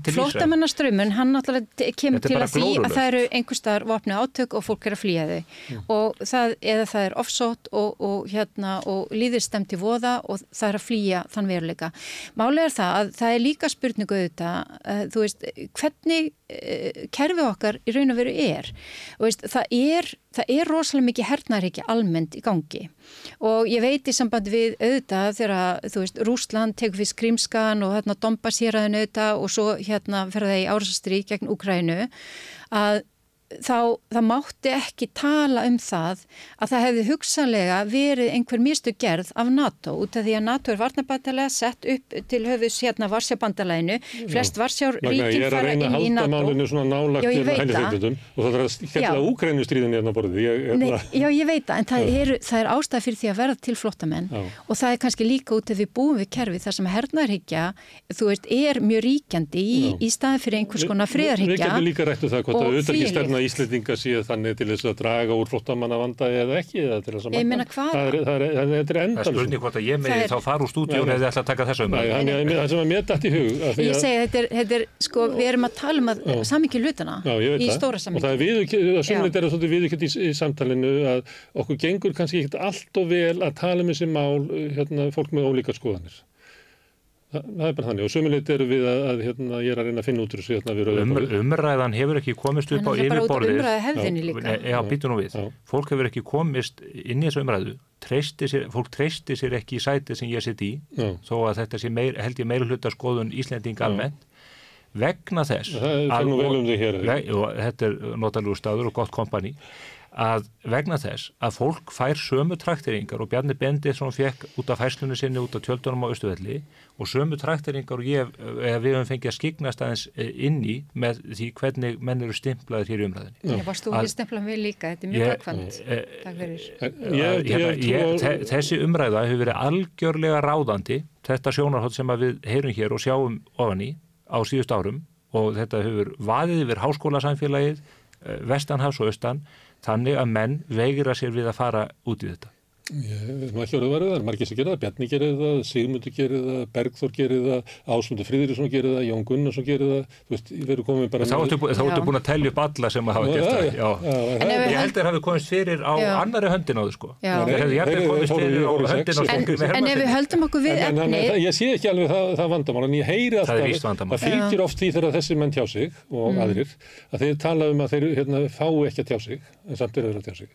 Mm. Það sem að mér langar bara að því að ég er að reyna að finna svona leið hvernig er best að tala um þessi mála því við verðum að geta að tala um það svona út frá svona hugmyndum, einstökum dæmum það kemur alltaf í ljós að, að, að hérna, það, það væri eiginlega gott að því að tæki bara hagstofan eitthvað tæki að sér að vera með eitthvað svona talna hérna, grunn til þess að við sem ekki að deila um staðrindir Þú þarf að minna bara á Dag Hammarskjöld sko í, í fríðar Já, já, Já, já. Já, já. Það er svona, uh, langar með til að spyrja ykkur sem hafi sittið hérna í langa tíma að ræða þessi mál. Teljið þið að sér gagnað svona samtali?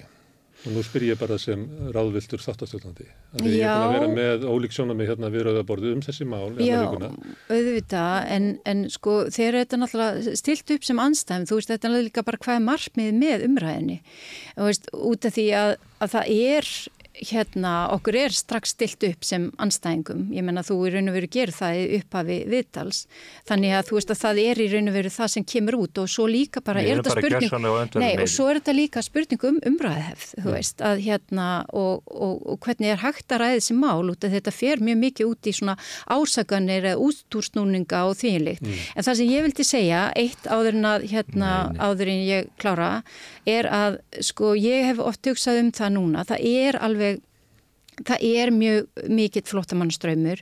Það eru 180 og eitthvað ríki sem er alltaf að, hérna, að, að sagt, flottamannarsamningi samnið þjóðana og það eru sko 43 ríki sem hafa skuldbindið sig til þess að veita flotta fólki ef það að þau fylgtum skiliðum, semst í raun og veru dvalarleifi og, og jáfnvel ríkisborgarrétt, en hins vegar eru mörg ríki sem eru að taka á móti mjög miklum fjölda flotta fólks eins og Tyrkland, þá ekki eins og aðild að uh, alþjóðlega flottamannsamningunum en hins vegar borgað ESB til þess að taka til dæmis á móti öllum þessum flottamannum sem kom frá Sýrlandi, þannig að fær ekki inn í Evrópu. Uh, og hérna uh, það var ekki um, gert samkvæmlega við Pólandum að Úkrænumenn færi ekki inn, lengra inn í Evrópu.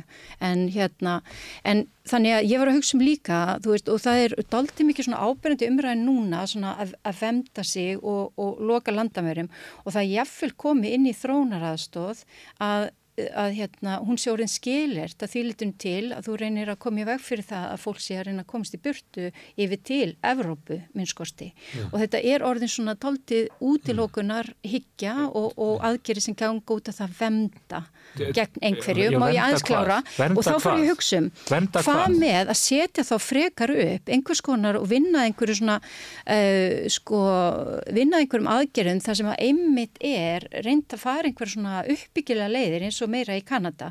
Þú veist, við erum til dæmis hérna innanlands með eitthvað sem heitir Jöfnarsögu sveitafélag sem er ætlaði til þess að aðstofa við mm. að hérna sveitafélagum við sín hérna, hérna, skildu verkefni. Endur skoða lögin Já, í anda þess sem er nei, gert í Kanada. Og líka bara gert í viðtakara samhengi, sko, einhvers konar sjóði sem er hægt að sækja í. Anda sósíaldemokrata í Danmarku. Hér er nefnt aðeins að Kanada sem á landamæri að bandaríkjónum og ég held að það sé miklu meiri hætt á því að Kanadamenn myndu flýja til bandarækjana heldur en öfugt. Og að lýsa Kanada sem einhverju uh, dæmi Við erum ekki landa með það neina, sko, við erum bara sjór. Já, já, en það var nefnst sem dæmi sko að, að þetta væri svo skjálfilegt eh, eh, Kanada er að sjálfsög ekki dæmi Af hverju er þessi higgja sem að svo er nefnd að koma upp í af hverju þessi stefna að af hverju vex henni fiskunur higg í Evrópu? Það er vegna þess að þessi þessi flóðbylgi af flótamönnum frá Sýrlandi, frá uh, Palestínu, frá uh, Líbanon og fleiri ríkjum og þetta Afríkuríkjunum líka, Venezuela er að reyna á innviði. Fólk finnur að þetta er að hafa neikvæð áhrif á samfélögin. Jafnveg þó að menn vísi hér í einhverja rannsóknir sem sýnir svo mikla atvinnu þáttu og annað, þá reynir þetta á innviðina. Þetta reynir á samfélögin og þetta veldur kerkju og tókstreitu.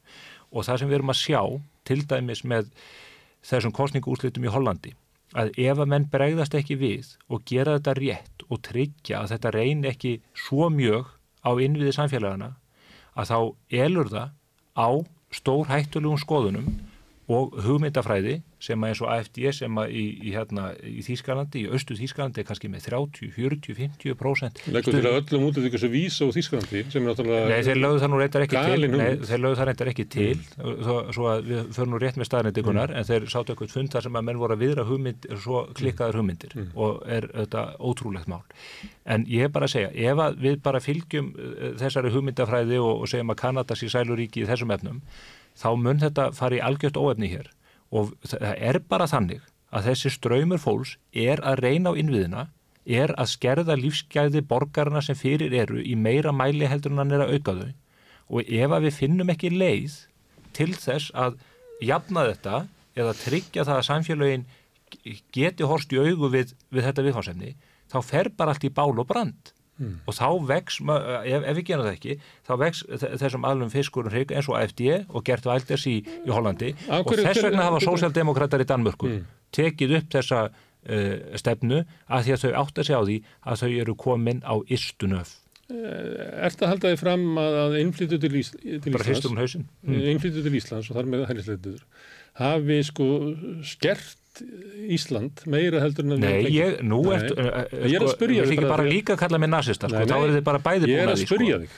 Ég er að segja ég er ekki að, ég er ekki að segja það. sko. ég er að segja að til þess bæjastjórn í Hafnafjörði mm. sem að hefur tekið að sér þetta verkefni mm. að þetta sé komið á ístunöf að þetta sé farið að reyna svo á innviðina mm. að þetta komi niður á fólkinu sem fyrir er Já Þannig að hún, uh, skólanir í Hafnafriði ættu kannski að fá eitthvað framlag frá ríkið. Það er ekki bara skóla, já, ríkið sem er reikið með botlösu tapi og er núna að taka á sig 150 miljónar höfbúkringar. Það er þínum eins að gera það. Ég, ég, er bara að segja að það er botlöst tap af ríkisjóði mm. út af aðgerðum sem að þeir réðust í þessi flokkur sem þú vísar í og aðri flokkar, mm. þvert gegn því sem að ég og fleiri tölum fyrir sem að þetta veri kló, klórulöst yngripp í COVID, það er efni annan þátt. Ég, ég, ég er ekki að segja að þetta fólk sé að skerða uh, samfélagsgeð okkar, ég er að segja að þetta reynir á innviðina.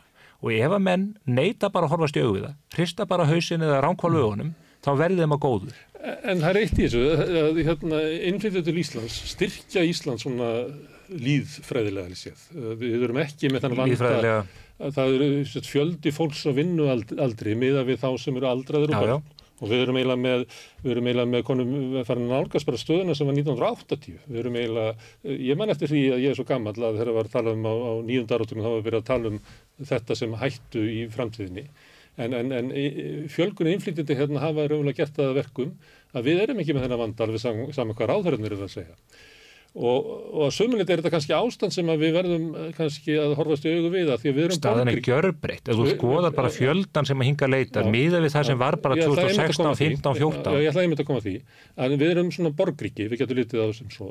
En það er, hérna, landsbyðirnar eru temdar hjá okkur, það er ekki þannig að fólk sé að flytja vestfjörðum og, mm -hmm. og austfjörðum til borgarina til þess að byggja þetta upp eins og, eins og gerir, það er mesti vöxturinn í borgríkjum allstar í Evrópu og við erum byrjað að draga að okkur fólk allstaðar að hérna Evrópu, úr Evrópu og heiminum. Víðrað, já. Já, víðrað. Til þess að sko standa undir bara eðlilegum vexti borgríkisins. Þú veist að við erum búin að tæma sveitirnar. Sko. En mér langar að segja Við líka, og já. það, þannig þá getur þetta verið þannig, þetta er þessi ástand sem Við að erum við ekki búin munum að tæma sveið, hvers konar uh, sín er þetta og Nei. við erum með blómlega byggð allt í kringu það, það, það, þar alveg fer fólk ekki þaðan. Það er ekki þannig að þessi fólksflutningur frá sveit í til borgar á Íslandi. Það, það er búið.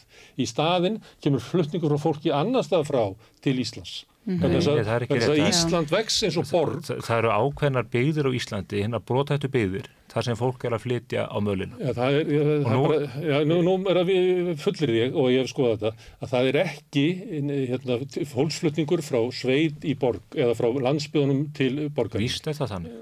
Það er ekki þannig.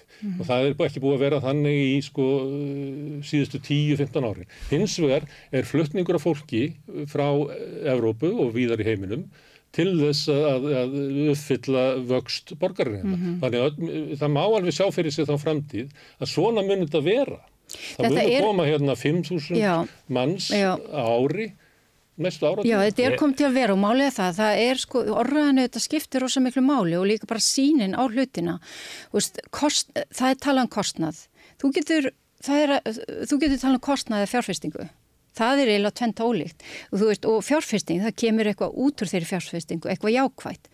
Til og með að við fjárfest meira í skólakerfinu til að koma á mótsvið þann veruleika sem þar er börn sem hafa ekki íslensku móðumáli og til að jafna fórskati þeirra þannig að þau getur síðan haldið að fyrir með námi og hérna verði og minka brottfall og vonandi verður það bara ekki neitt þá er einhver ávinningur að þessari fjárfestingu út af því að það er ekki jákvætt að það sé bara haldið áfram og sömu braut og ekki veri og bara í raun og veru farið þá að búa til einhvers konar undirstjætt sem er af el elendum uppruna.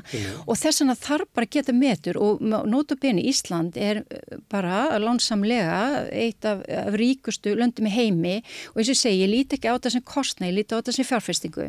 Og þetta er líka bara til þess, við erum hérna land sem kennur okkur við jafnbretti, ég menna málefni fólks af elendum uppruna er eiginlega orðið jafnbrettsmál 21. aldarinnar, við vorum auðvitað með kynja jafnbrettið, en í svona einsleitri, út af því við erum einsleið þjóð, þá var það mér setti fyrst og fremst milli kalla og kvenna. Það er búið að við, þess vegna eru hún best í heimi þegar kemur að kynja jafnbrettið þó að sé ennþá kannski eitthvað sigurinn til að gera betur, en núna bara koma að þessu málaflokki og hérna, og ég held að við verðum að, einmitt, að horfa stögu við það að þetta komið til með að vera. Við erum hérna, samkvæmt OECD, uh, hérna efnas og framfarastofnun Evrópu, þá er hæsta atvinni þáttaka bæði kvenna og innflytjenda á Íslandi af öllum aðaldalöndum þeirra stofnunar. Og hérna, en við viljum sann sem áður, það, við, þú veist, allir eiga börn og þau fyrir skóla og við viljum bara gera betur. Og ég held að við þurfum bara að horfa á þetta sem eitthvað verkefni sem er alveg verðugt að leysa án þess að einmitt að hérna segja bara, nei við verðum að fara að venda landamærin við, veist, þetta íslensku börninni í bekkjunum sem eru 90% þau eru jaðasett út af þessum 10% sem eru og þú veist, út af því að ok, þegar það tekið svona til orða, það er líka og líka bara allt sem svona elur á, á orða. orða ótta þú. Sem að líka ítir á andúð og Nei, líka þeir svo til dæmis er þeirra- að og og það, það að en þeirra, það verið að að stilla upp líka hlutum eins og til dæmis þetta, eins og að og þeir sem undir eru skjólstæðinga því. aldraðir, því. nei, Að- að Nei, að nei, verði se- þessi, að alveg- verði í umræðinni. Já, en þú getur alveg stilt upp flótamönnum og, og leggja veg, veg á vestfjörðum. Þú veist, það þarf ekki alltaf að stilla einhverjum hópum á fólki upp. Það þarf ekki að stilla það hópum, að það þarf að hérna stilla skilur það, að væri óskaplega gott ef að fólk myndi horfast í augu við veruleikan eins og hann er. Já, já, Ekki eins og við, bara við myndum En vera að ekki lausna með þau í staðan fyrir að segja bara stopp. Kannski ekki eins og veruleikin eins og byrtist þér, Stefán. að- að Við getum haft ólík sjónarmið. Veruleikin er til dæmis bara sá að ríkisjóður er rekið með. Já. Veruleikin er sá að við erum núna að takast á hendur eitt alvarlegasta efnaðasáfall sem Ísland hefur orðið fyrir í sögunni. Og svo, Kannski ekki efna þess ástand. Víst. Já, þetta er búið að vera, Grindavík. það, Já. það er Það búið að er vera tækifæri til að gera það er betur mjög gríðarlegt lengi. efnaðaslegt áfall. Það er Ekki, margt gott ekki það er aðeins út að af betur. og íbúin sem við stöndum fram fyrir heldur líka öðrum afleðingum fyrir atvinnustað sem annað.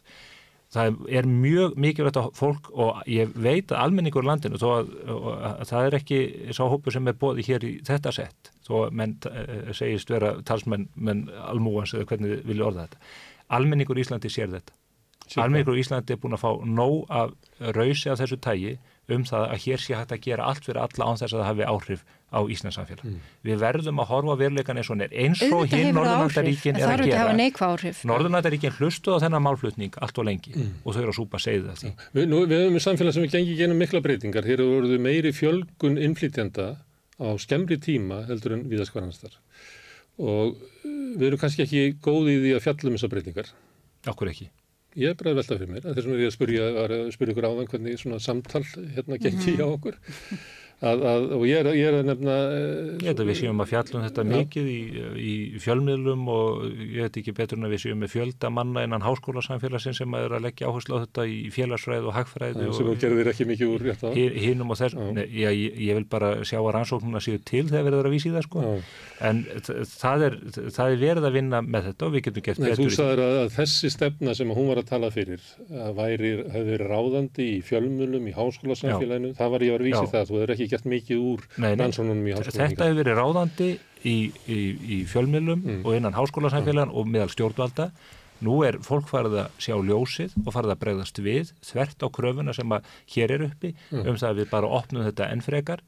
Þetta fólk er statt í veruleikanum. En frekar, við höfum alþjóðlega skuldbindingar, fólk sækir um alþjóðlega vemd og á hérna Við höfum bara rétt á tekið til ákveðinu málsmeðferð. og það er það sem að þeim að gerist og ástæðan kærunefnd, kærunefnd útlendingamál og fleiri, það Já. var tekið úr sambandi og virt að vettu í alþjóðasamninga sem að uh, við hefðum átt að fylgja varðandi það að fólk fái vend í því landi sem að það gefur svo upp í og annað í þeim dúr, þannig að það að vísa í alþjóðasamningi þessu tilliti er það markleisa vegna þess að við höfum ekki fyllt í. En, en Stefán, gerur þau ekkert með það að, að, að óta þeirra eh, sem að segja að umræða að, að, svona umræða um okkur standi öryggisók af innflytjendum? Nei, Að- nei við, okkur stendur ógna því hvernig við uh, mótum kerfið. Í, við, okkur stendur ekki öryggisógna innflytjum. Þetta er orðræðan Gunnarsmári sem er óþólandi Já, en við- og, og setur þetta Nei, og pólariserar Þú vilt þetta meira öryggi til þess að hindra það að innflytjendur hérna glæpa menn komist inn. Nei, ég vil Já. búa til kerfi og ég vil búa þannig um hnútana að löggjafslífuvöld á Íslandi geti komið í veg fyrir að hingað komi glæpamenn og hva, hva, hvernig sem þeir komi í gegn. Við vitum að glæpamenn koma í gegnum hælisleitandi kerfið, við höfum dæmið það, stór hættulegir glæpamenn Mm. og ég gerir bara þá kröfu og tala því máli Mm. að Íslands samfélag, hver sem upprunni fólks er, búi við öryggi. Það er fyrsta og fremsta skilda hvers þjóðríkis að tryggja öryggi sinna borgara áður en þeir fara að tryggja borg, eh, öryggi annara. En hér er gert lítið úr þess og sagt að þetta nor, normal dreifing eða hvaða kæftæði það er síni fram á að það sé engin hætt að þessu fólki. Nei, ég er að spyrja út frá Það því sem er þú ert að reyndar segja. ekki það talar um öryggis. Ég var bara að segja að þetta hérna. er hérna, það er, segi, eru- það er alveg við því að hér- búast að það hér séu ganga einhverju svarti lausir- sauðar hér- í svartir öllum hópum, hvaða hér- hóp hér sem um ganga er að lausir ræða. menn sem hafa tekið þátt í fjöldamorðum á vegum ISIS. Þeir hér ganga, hér ganga lausir Þeir menn. koma utan Hér frá ganga- Líbanon, hér þú er búin að ganga- segja hér þetta ganga og mögulega lausir- getum við ekki hér ganga- afgreitt Hamas liða frá öðrum Hér þess ganga- vegna verðum við að hætta að taka við fólki frá hér, Líbanon. hér ganga lausir menn fyrir utan Á að þinghúsið móta stefnu út frá að frávíkonum og undan Við- þá heyrðu, Nei, ég, ég, nei við höfum að, við höfum að tryggja öryggi borgarna sko. Já, en móta stefnu út er frá frávíkum. hér eru niður á Já. Östurvelli í tjálbúðum Þú dagun segir og ganga lausir, en þetta Já. gengur bara allt fólk laust hérna, vonandi. Nei, ekki, allt, Ekki? ekki, ekki, ekki, Er ekki, bara, er ekki fagnar ekki, að fólk ekki gangi þeim laust? sem að hef, ég vil ekki Já. að menn sem hafa tekið þátt í hriðverkastæðsemi gangi lausir. Þú ert ekki að halda vil fram ekki að það fólki sem var fyrir utan alþingi svo sem hafi tekið þátt í hriðverkastar Nei, ég er að halda þið fram að í þeim hópi hafi verið fólk sem að líst yfir stuðningi við Hamasamtökin. Ég vil ekki hafa Og það hvað fólk, viltu gera í því? ég vil ekki að þetta fólk sé á Hvað Íslandi. viltu gera í því? Ég vil að þetta fólk sé flutt úr landi. En þeir sem eru ríkisborgarar og lýsa yfir stuðningi við, við Hamas, Já, stjórnmálarar ég, Hamas, viltu vísa því úr landi? ég, nei, en ég held til þess að lauruglan þurfa að hafa gætur og slíku fólki. Herðu, en það sem ég ætlaði að spyrja þau um er að því að við erum að gangi í gennum mikla breytingar. Telur að þessi umræða um ógn af innflytjendum, ekki, ég er ekki endilega að segja að þú sem með það, þú ert búin að nefna það, en það, hún er víða og þú vísar á... Nei, svo enn á ný ránkværir það sem ég segi. Þú vísa til þess að sé rasismi hérna og flera. Telur þú ekki að þessi umræða... Þú vísaður í að það verður rasismi hérna. Þú sagðir að það væri í einhverjum hópum. Já, já. Um hvað, hvað Heru, hvers, í hvaða ríki getur bent á það sem ekki er rasismi? Okay, ég... Þetta er bara nævis með að stilla þessu svona upp að ég sé að halda þið fram ekki sé rasismi. Ég er að segja að sjálfsögðu eru rasista hér. Hér eru fíbl og fávittar í, út í einhverjum hótnum. Mm. Að sjálfsögðu. Telur út af þessum miklu hröðubreitingu sem við erum að gangi í gegnum og mm. hversu kannski skamt við erum komin á veg með því að ræða þetta sem er bara eðlilegt, er að það er miklar breytingar, það tekur tíma að átta sig á því hver staðan er, hver raunvölu vandamál er og annað slíkt. Telur að, að það geti verið þessi umræða skapi sér sjálfstað hætt af henni þar sem að við erum í einhvern veginn í viðkvæmri stöðu, gagvat fólki sem er í viðkvæmri stöðu. Það þarf að fara varlega í slíka umræðu og það þarf einmitt að tryggja það að það sé ekki alhæft um alla. En nú hef ég verið að reyna að ræða þetta hér í hvað, góðan klukkutíma eða svona ja. og það eina sem er gert eina viðbræð sem að maður fær er að það er stimplað og sagt, þú ert að segja að innflytjendur sé að hættu, jú, þú segir, þú sagðir hér rétt á þann, þú ert að halda þig fram að það sé öryggis og ógnaf innflytjendum, ja. ég hef aldrei sagt það Ég, bara, ég hef ekki sagt það. Ég er að reyna að orða það sem þú ert að segja. Já, og ég sannanlega skildi ég að þú væri að tala um það. Já, þú varst að tala um að þýttu aukin viðbúnað og, og þú varst að tala um að þú stæði ógn af einhverjum uh, karlmennu sem kæmi frá tiltegnum heimsluta og, og það hefði verið maður og akureyri sem hefði, akureyringar hefði verið einhverju ógn út af. Ég upplýði þetta að þú væri að lýsa ógn af umflytjum. Ég, ég er að segja að það er ógn af ákveðnum einstaklingum sem að fljóta með þessum hópum. Sem vil svo til að það eru hælsleitur. Já, sem vil svo til að Já. eru hælisleitendur njóta hér stuðnings mm. Eh, félagsfjónustun og Akureyri var búin að halda upp í manni sem var búin að taka þátt í eh, sko hriðiverkastað sem í Sýrland og viður mm. sem að eru svo veikar að þú byrtir það ekki se, segja eins og svo að Gunnarsmári að þetta komi nú allt upp út úr mm. að það sé rétt sem að ég held fram með þennan mann mm. hefur þú ekki áhyggjur af því finnst þér ekki óþægilegt finnst þér og svo tilhörsun sko. finnst þér Ef hann, hefði, ef hann hefði gengið áfram laus þá myndum við líklega fagna því að við höfum brúðist rétt við. Ef hann hefði áfram gengið laus á akureyri mm. hefur ekki áhyggjur hefur á, ef við vitum að því að það gangi hér laus þá er það líklega dæmi um að kerfið virkar eða ekki? Ef hann var að vísa á landi. Vir, kerfið virkaði þrátt fyrir allt í tilviki þessa manns. Þa, það, það, það eru fleiri dæmi. Ha. það eru fleiri dæmi. Hér ganga lausir menn sem eru yfirlistir stuðnismenn hriðiverkarsamtaka.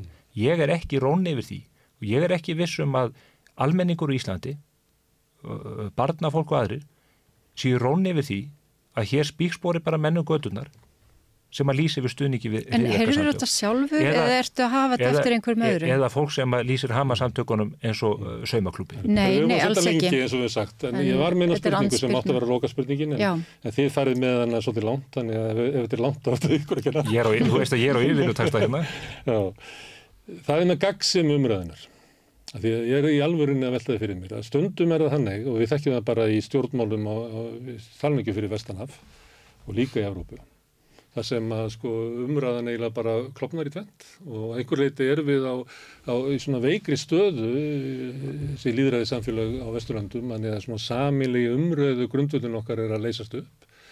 Svona einu svona gáttu fjölmilar gengt þessari stöðu svona meginstopps fjölmilar sem höfðu mikið hérna, mikla útbreyslu og, og hafa enn. Hver, já, svo rúf mbl.is Já, þá, þá, þá, þá var svona meira samkomlag í okkar heimsluta um, um hvað við ættum að ræða með hvað hætti og hvar. Þú mannst nú eftir flóksblöðun, þú, þú hefur nú komið að ímis konar bladútgáðu sjálfur. Það var bara hérna, samkomlag um það að, að, að fólk hérna, dró sína sín á hlutina. Við, og það er að gerast hér á þessari mhm. sjónastu og það gerist á INN. Og, já, já, ég, ég er bara að velta fyrir mig, mm -hmm. hvort að, að, hérna, að við séum eitthvað veikari. Þú ert að nefna, hérna, þú, við gætum nefnt í því, segið þú, í kostningu svipa var í Östuríki, við getum nefnt Svíðjóð, við getum nefnt fleiri. Er, er, hætt á, hérna, er hætt á því að við séum svona að missa samtalið að við sko, okkur gangi ítla, við viljum freka fara í ykkur skotgræfir og, og í vonum að fá ykkur nokkur auka atkvæð, einn auka þingmenn eitthvað sluðis og að það verður svo mikil skaupin samfélagin við ráðar ráðum auka þingmenn en engan. ef ég, segi, ef ég segi það sem ég finnst sko, þú veist, umræðan kemur til út af það eru ákveðna áskornir í gangi ekki satt? Veist, þetta eru þetta um já, við erum öll saman um það. Já, nákvæmlega. En umræðan hefur ekki átt í stað. svo gengur þetta náttúrulega út af það eh, hvaða lausn menn sjá á ósála. viðfansefnu og menn eru augljóslega ósamála og þá náttúrulega kemur þetta bara í raun og veru svo stefna sem verður verður samt að vera einhver stefna sem að flestir sko eru sammála um og svo verður sættir við. síðan og síðan verða þetta sko grunnstóðnar eins og við erum ákveðin með ákveðina grunnstóðir í okkar samfélagi. Eins og einn uh, þessara grunnstóða það er náttúrulega bara við einhverju mannréttindum og það er jafnbretti og þínlíkt og það og í þegar við erum að gangi í gegnum svona breytingar sem samfélag það, þurfi, það þarf niðurstan að vera það að við sem að búa til einhverja stóð sem að við ætlum síðan að kvíla á til þess að leysa þessar áskorunir og ég er að tala um það að við höfum alþjóðlega skuldbindingar, uh, við erum vel efnið þjóð, við getum í, í hérna uh, auðvitað, skoða ekki yngur hvernig Norrlöndin gerir þetta, heldur bara önnu ríki sem, sem hefur kannski farnast aðeins betur í þessum málum og við getum litið á þetta ekki sem kostnað heldur sem fjárfestingu. Þú ert að segja hvað við ættum að gera. Finnst Ég bara segja að það sem við getum- við, okkur takist að feta okkur þessa leið? Að, Ég einhverju svona samtali? Í, í samtali, Mm. já ég held bara auðvitað að það þarf að móta stefnu Samtalið Og er að hérna- eiga sér stað í fyrsta sinn núna. Já, þess að er samtalið er bannað. Mm. Núna er að koma, nú hafa menn öðlast kjark til þess að ræða hlutina efnislega vegna þess að núna blasir veruleikin við okkur. Fólk hefur farið að finna þetta á eigin skinni. Mhm. Umræðan var, hún var bara á þessa hliðina hér áður og það hefur verið mjög ríkjandi viðþorf á Í- Íslandi í þessum málum og fleiri málum. Ég ætla að nefna annað dæmi að kvöldi 7. oktober þegar að þessi hriðjuverk blöstu við í Ísrael og var búið að slátra þarna saklausum borgurum eins og hefur verið margátt farið yfir. Hvað gerði ríkisútvarpið? Það kallaði nánast einverðungu til talsmenn Hamasamtakana. Svein Rúnar Haugsson, hann var mættur í beina útsendingu líka á stöð 2. Þú mættir í eh, frækt kastljósvital þar sem að hriðjuverkonu var beinins fagnað og enginn sagði eitt eða neitt. Hún, reyn, hún reyndi það nú. Þið, það. þið, þið voru nú að segja, sögðu nú reyndar að það þýtti að sitja þessi mál í Hún samhengi.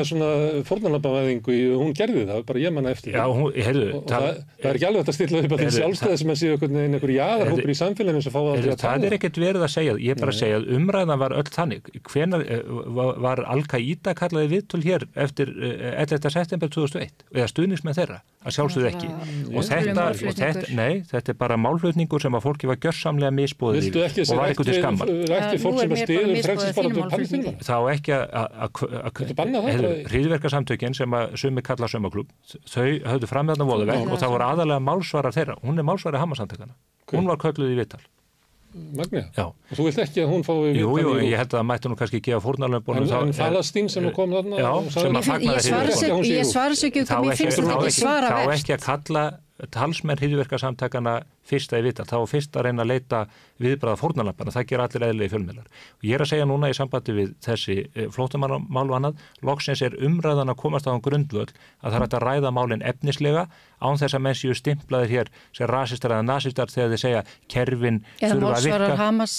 Þú, þú varst að bera blaka að um þetta bara í, hérna, Nei, í- ég var þetta að reyna að upptöku. ákveðan hlut Já, sem að er með ráðum gert reynda snú út úr. burt, burt skýra það að þetta séu hriðverkarsamtök Eitt, ég er, að- ég er að hugsa um þessu umræðu, hvort sko okkur takist að gera þetta, því að þetta er bara mikilvæg umræði í samfélaginu, við erum samfélag sem er gangi í gegnum mikla breytingar og það er bara mikilvægt að við svo veist, getum haldið umræðinni. Nú er alveg augljóst á mæli ykkar að þið eru með svona ólíka lífsafstöðu. Mæli okkar allra, ég meina þið eru tvö hér augljóslega á sömu línni og ég kem og, svara uh, með öðrum hætti. Já, en ég, er augljóst að mæli ykkar að þið eru með ólíka lífsafstöðu. Við getum talað um bara hlutverk ríkisjóðs og við getum talað um alls konar hluti. Hún ég- segir bara eins og bankamennandi fyrir hrun, það er nóg til. Ég er bara að benda á og Já, svo er ekki. En ég er að benda á það, við getum eh, talað líklega og þeir eru líklega ósammála um svona hluti.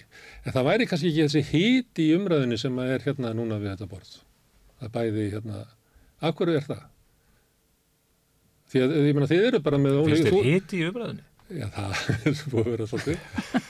Já. Já, já, en Það getur ímyndað sér svona fólk sem er mjög það er meðvilt óþægilegt ekki óþægilegt að hlusta á þetta, fólk sem er svona Já, mikið ósamála. það getur vel verið en ég meina það er náttúrulega kannski bara bara eðli sem málsins, sangkvæmt þá náttúrulega verður auðvitað vanlega híti umræðin þegar fólk er ekki alveg uh, sammála það er bara, það gerist en aða máli er náttúrulega hún sé auðvitað málmleg og hérna og Já, það, það væri hægt að vera með málmlegri umræði En- en- ef að væri meiri fyrirlengiti líka upplýsingar og, staðrindir og tölfræði bara um hvernig háttunum er Sér raunverulega samkomla um Já, frá út frá hvað staðrindu út af því að það þarf maður ekki vera, þá er ekki hægt að kasta fram einhverju svona Mhm. og vísi rannsóknir sem að við vitum ekki Ég, hvað ég var að vísa að segja að það þyrfti rannsókn út af því að ég hafi lesið er. Já, það truflaði ekki á mig Íslandi, ekki. á vegna þess Íslandi, að einhvers Þú varst að vísa í, í rannsómi sem að sína að sko Já, sem um að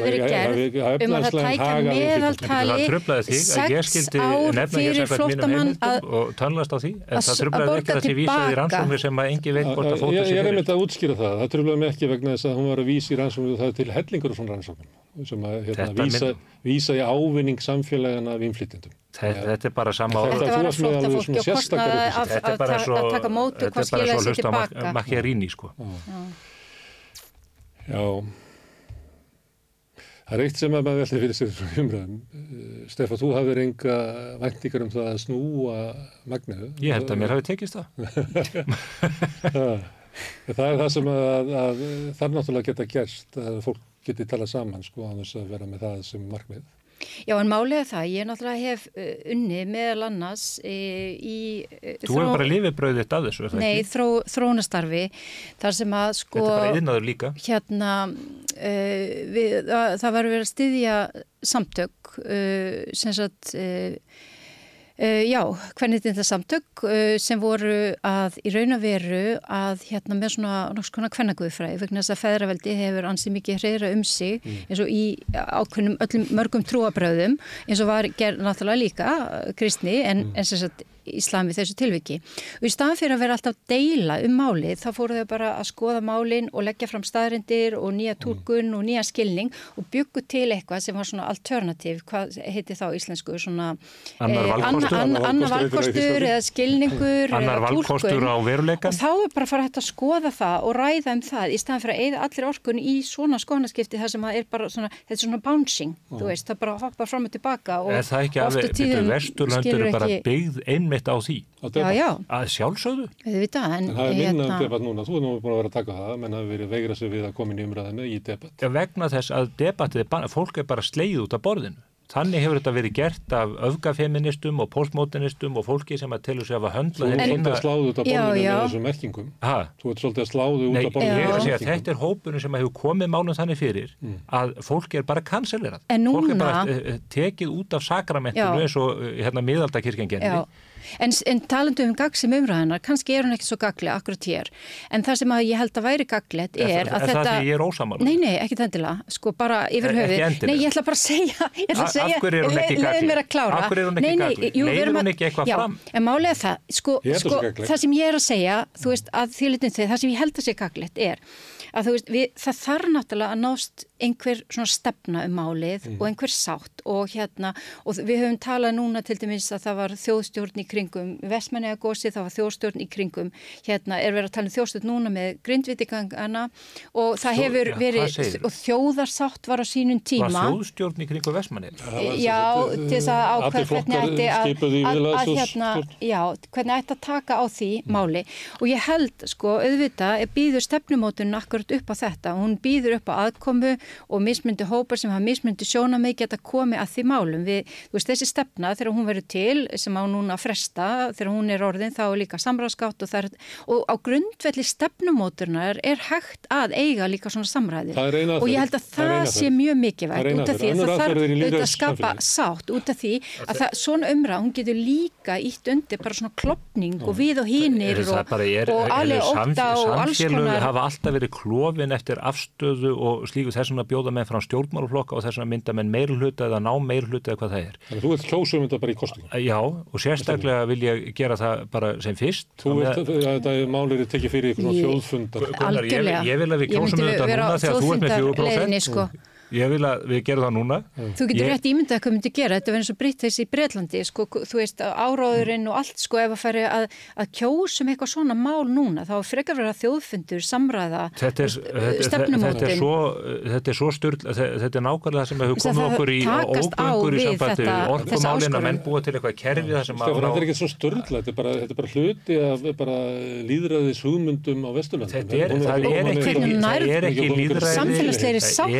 hvað eigi að gilda og hvað stefna eigi að vera. Hérna, maura þúun og þetta drast sem var búið til hérna eftir bankarhunni til þess að búið til nýja stjórnarskrá. Mm. Svömmu fannst það að vera allt sko, tóm kóróna í, í sköpunarverki líðræðisins í Íslandi. Þvælunar. Skilaði engu. Þér finnst það Ski, nei, heru, byrju, hverju skilaði það? Hverju skilaði það? Framþróunni var stopp. Nei, byrju, hvernig? Líðræðislega. Við hefum bara kjósum hlutina, Það var kosið meiri hlutina á að ráða innan, innan markalína. Það var líka til eitthvað sem heitir alræði Það var- meiri Meiri hlutans. hluti fekk ekki að ráða. Það, var ekki, það var farið í atkvæðagreyslu þar sem að þáttakan var mjög lítil og, og ef, að, ef að það hefði fengið að ráða þá er nú þjóðkirkjan fengið hér einhvern aukinn sessona, þetta var tóm þvæla frá upphafi til enda. Við eigum að byggja, ert, við eigum ekki Þú getur ekki sagt að við erum að kjósum þetta, svo ert að hafna því þegar þjóðin er að kjósum þetta. Þjóðin kaus ekki um þetta, þjóðin kýs um stefnu í þingkostningu. Við erum með þing sem á að Þú ákveða hluti.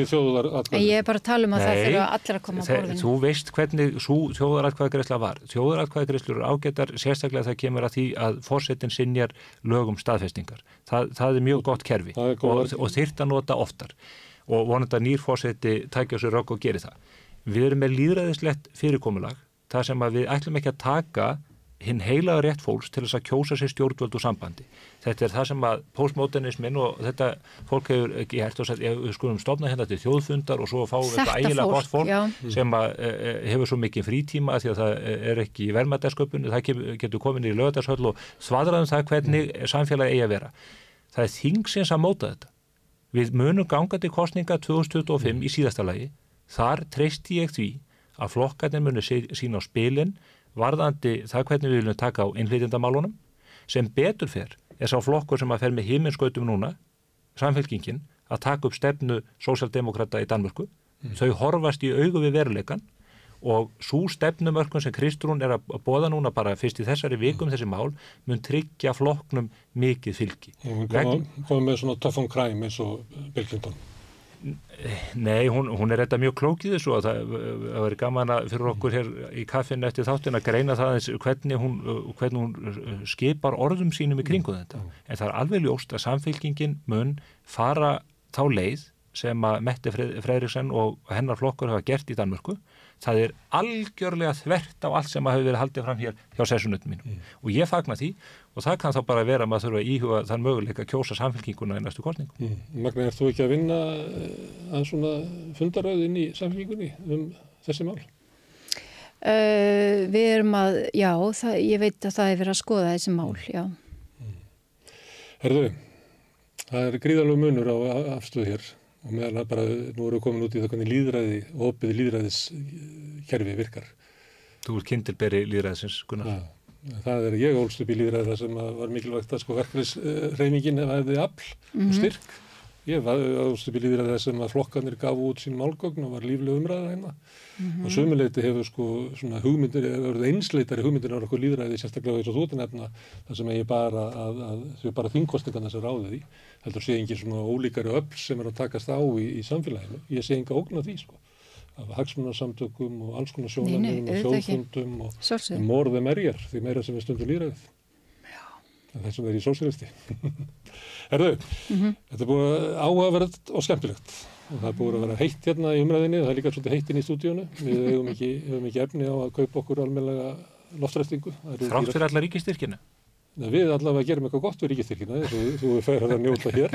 Já, já. ja, Sósilisti þetta fara vel með óbyrgurt Ég er óskaplánaði með að skattpenningarnir mínir hafi farið í þetta. Já, það er sósilisti fara vel með óbyrgurt fjö. Öfut við hína flokkana og þetta er að spörja hvað einingi flokkandi gera við, við penningin ef sósilisti geta gert þetta. Já, það er spurning. Herru, Magnea Já. og Stefán og afsakið ef ég sagði Einar að undan, það ég þekki mann og, sem er mér mjög kær sem heitir Einar Stefán og ég ruggla, rugglaði saman hann. Þetta eru hvort ekki mjög góð nöfn. Já, það er ekki leiðendum sem að ég hef gert þetta. Takk hjá það. Herðu, og við ætlum að hérna, segja þetta gott á rauðaborðinu í kvöld. Uh, Þetta er síðast í svona venjulegi þátturinn í vikunni. Við verðum með vikuskamt á morgun klukkan 16, klukkan 4 í eftirmyndaginn. Þá koma hingað uh, fjórir einstaklingar og við ætlum að ræða frétti vikunar. Svo er helgadaskráin framundan með alls konar dóttri. Ég bend ykkur á að þið geti hjálpað okkur við að byggja upp samstöðuna með að vísa vinum og vandamönnum á efni sem ykkur finnst áhævert. Við erum á Facebook, á YouTube, við erum í öllum hlaðvarsveitum, við erum í útvarpinu á 89,1 á FM á Stór Hauðborgarsvæðinu og svo má ná í útarsendingarnar á spilaran, bæði spilarin.is á netinu og spilarin líka app sem má hlaða niður í síman og þá getur hlusta á samstöðuna og allar íslenskar útastöður hvað sem er í heiminum. Svo erum við komin í sjónvarp til þeirra sem að fá sjónvarpi sitt frá símanum. Eh, við erum nú með fimm á fjastýringunni. Vonandi munu önnur fjarskiptafyrirtæki bjóða sínum viðskiptafminnum upp á samstöðina. Því sem að vilja hjálpa okkur að byggja upp samstöðina geta gæst áskrifundur. Þið farið þá inn á samstöðin.is. Það er knappu sem ástendur áskrift. Það kostar 2500 krónur sem er hlægilega ódýrt, miklu ódýr en á mokkanum til dæmis. Eh, þeir sem að vilji geti borga meira og þeir sem að kjósið geti látið áskriftina renna sem félagsgjöldin í alþjóðfélagið og það er alþjóðfélagið sem á og rekur samstöðuna og þó að sósjálistar hafi lagt til fyrir hérna að þá er það orðið innan við 20% af, af því sem við höfum til umráða því allt efni hér er í bóði áskrifenda. En ég þakka það fyrir í kvöld og segja góða nótt.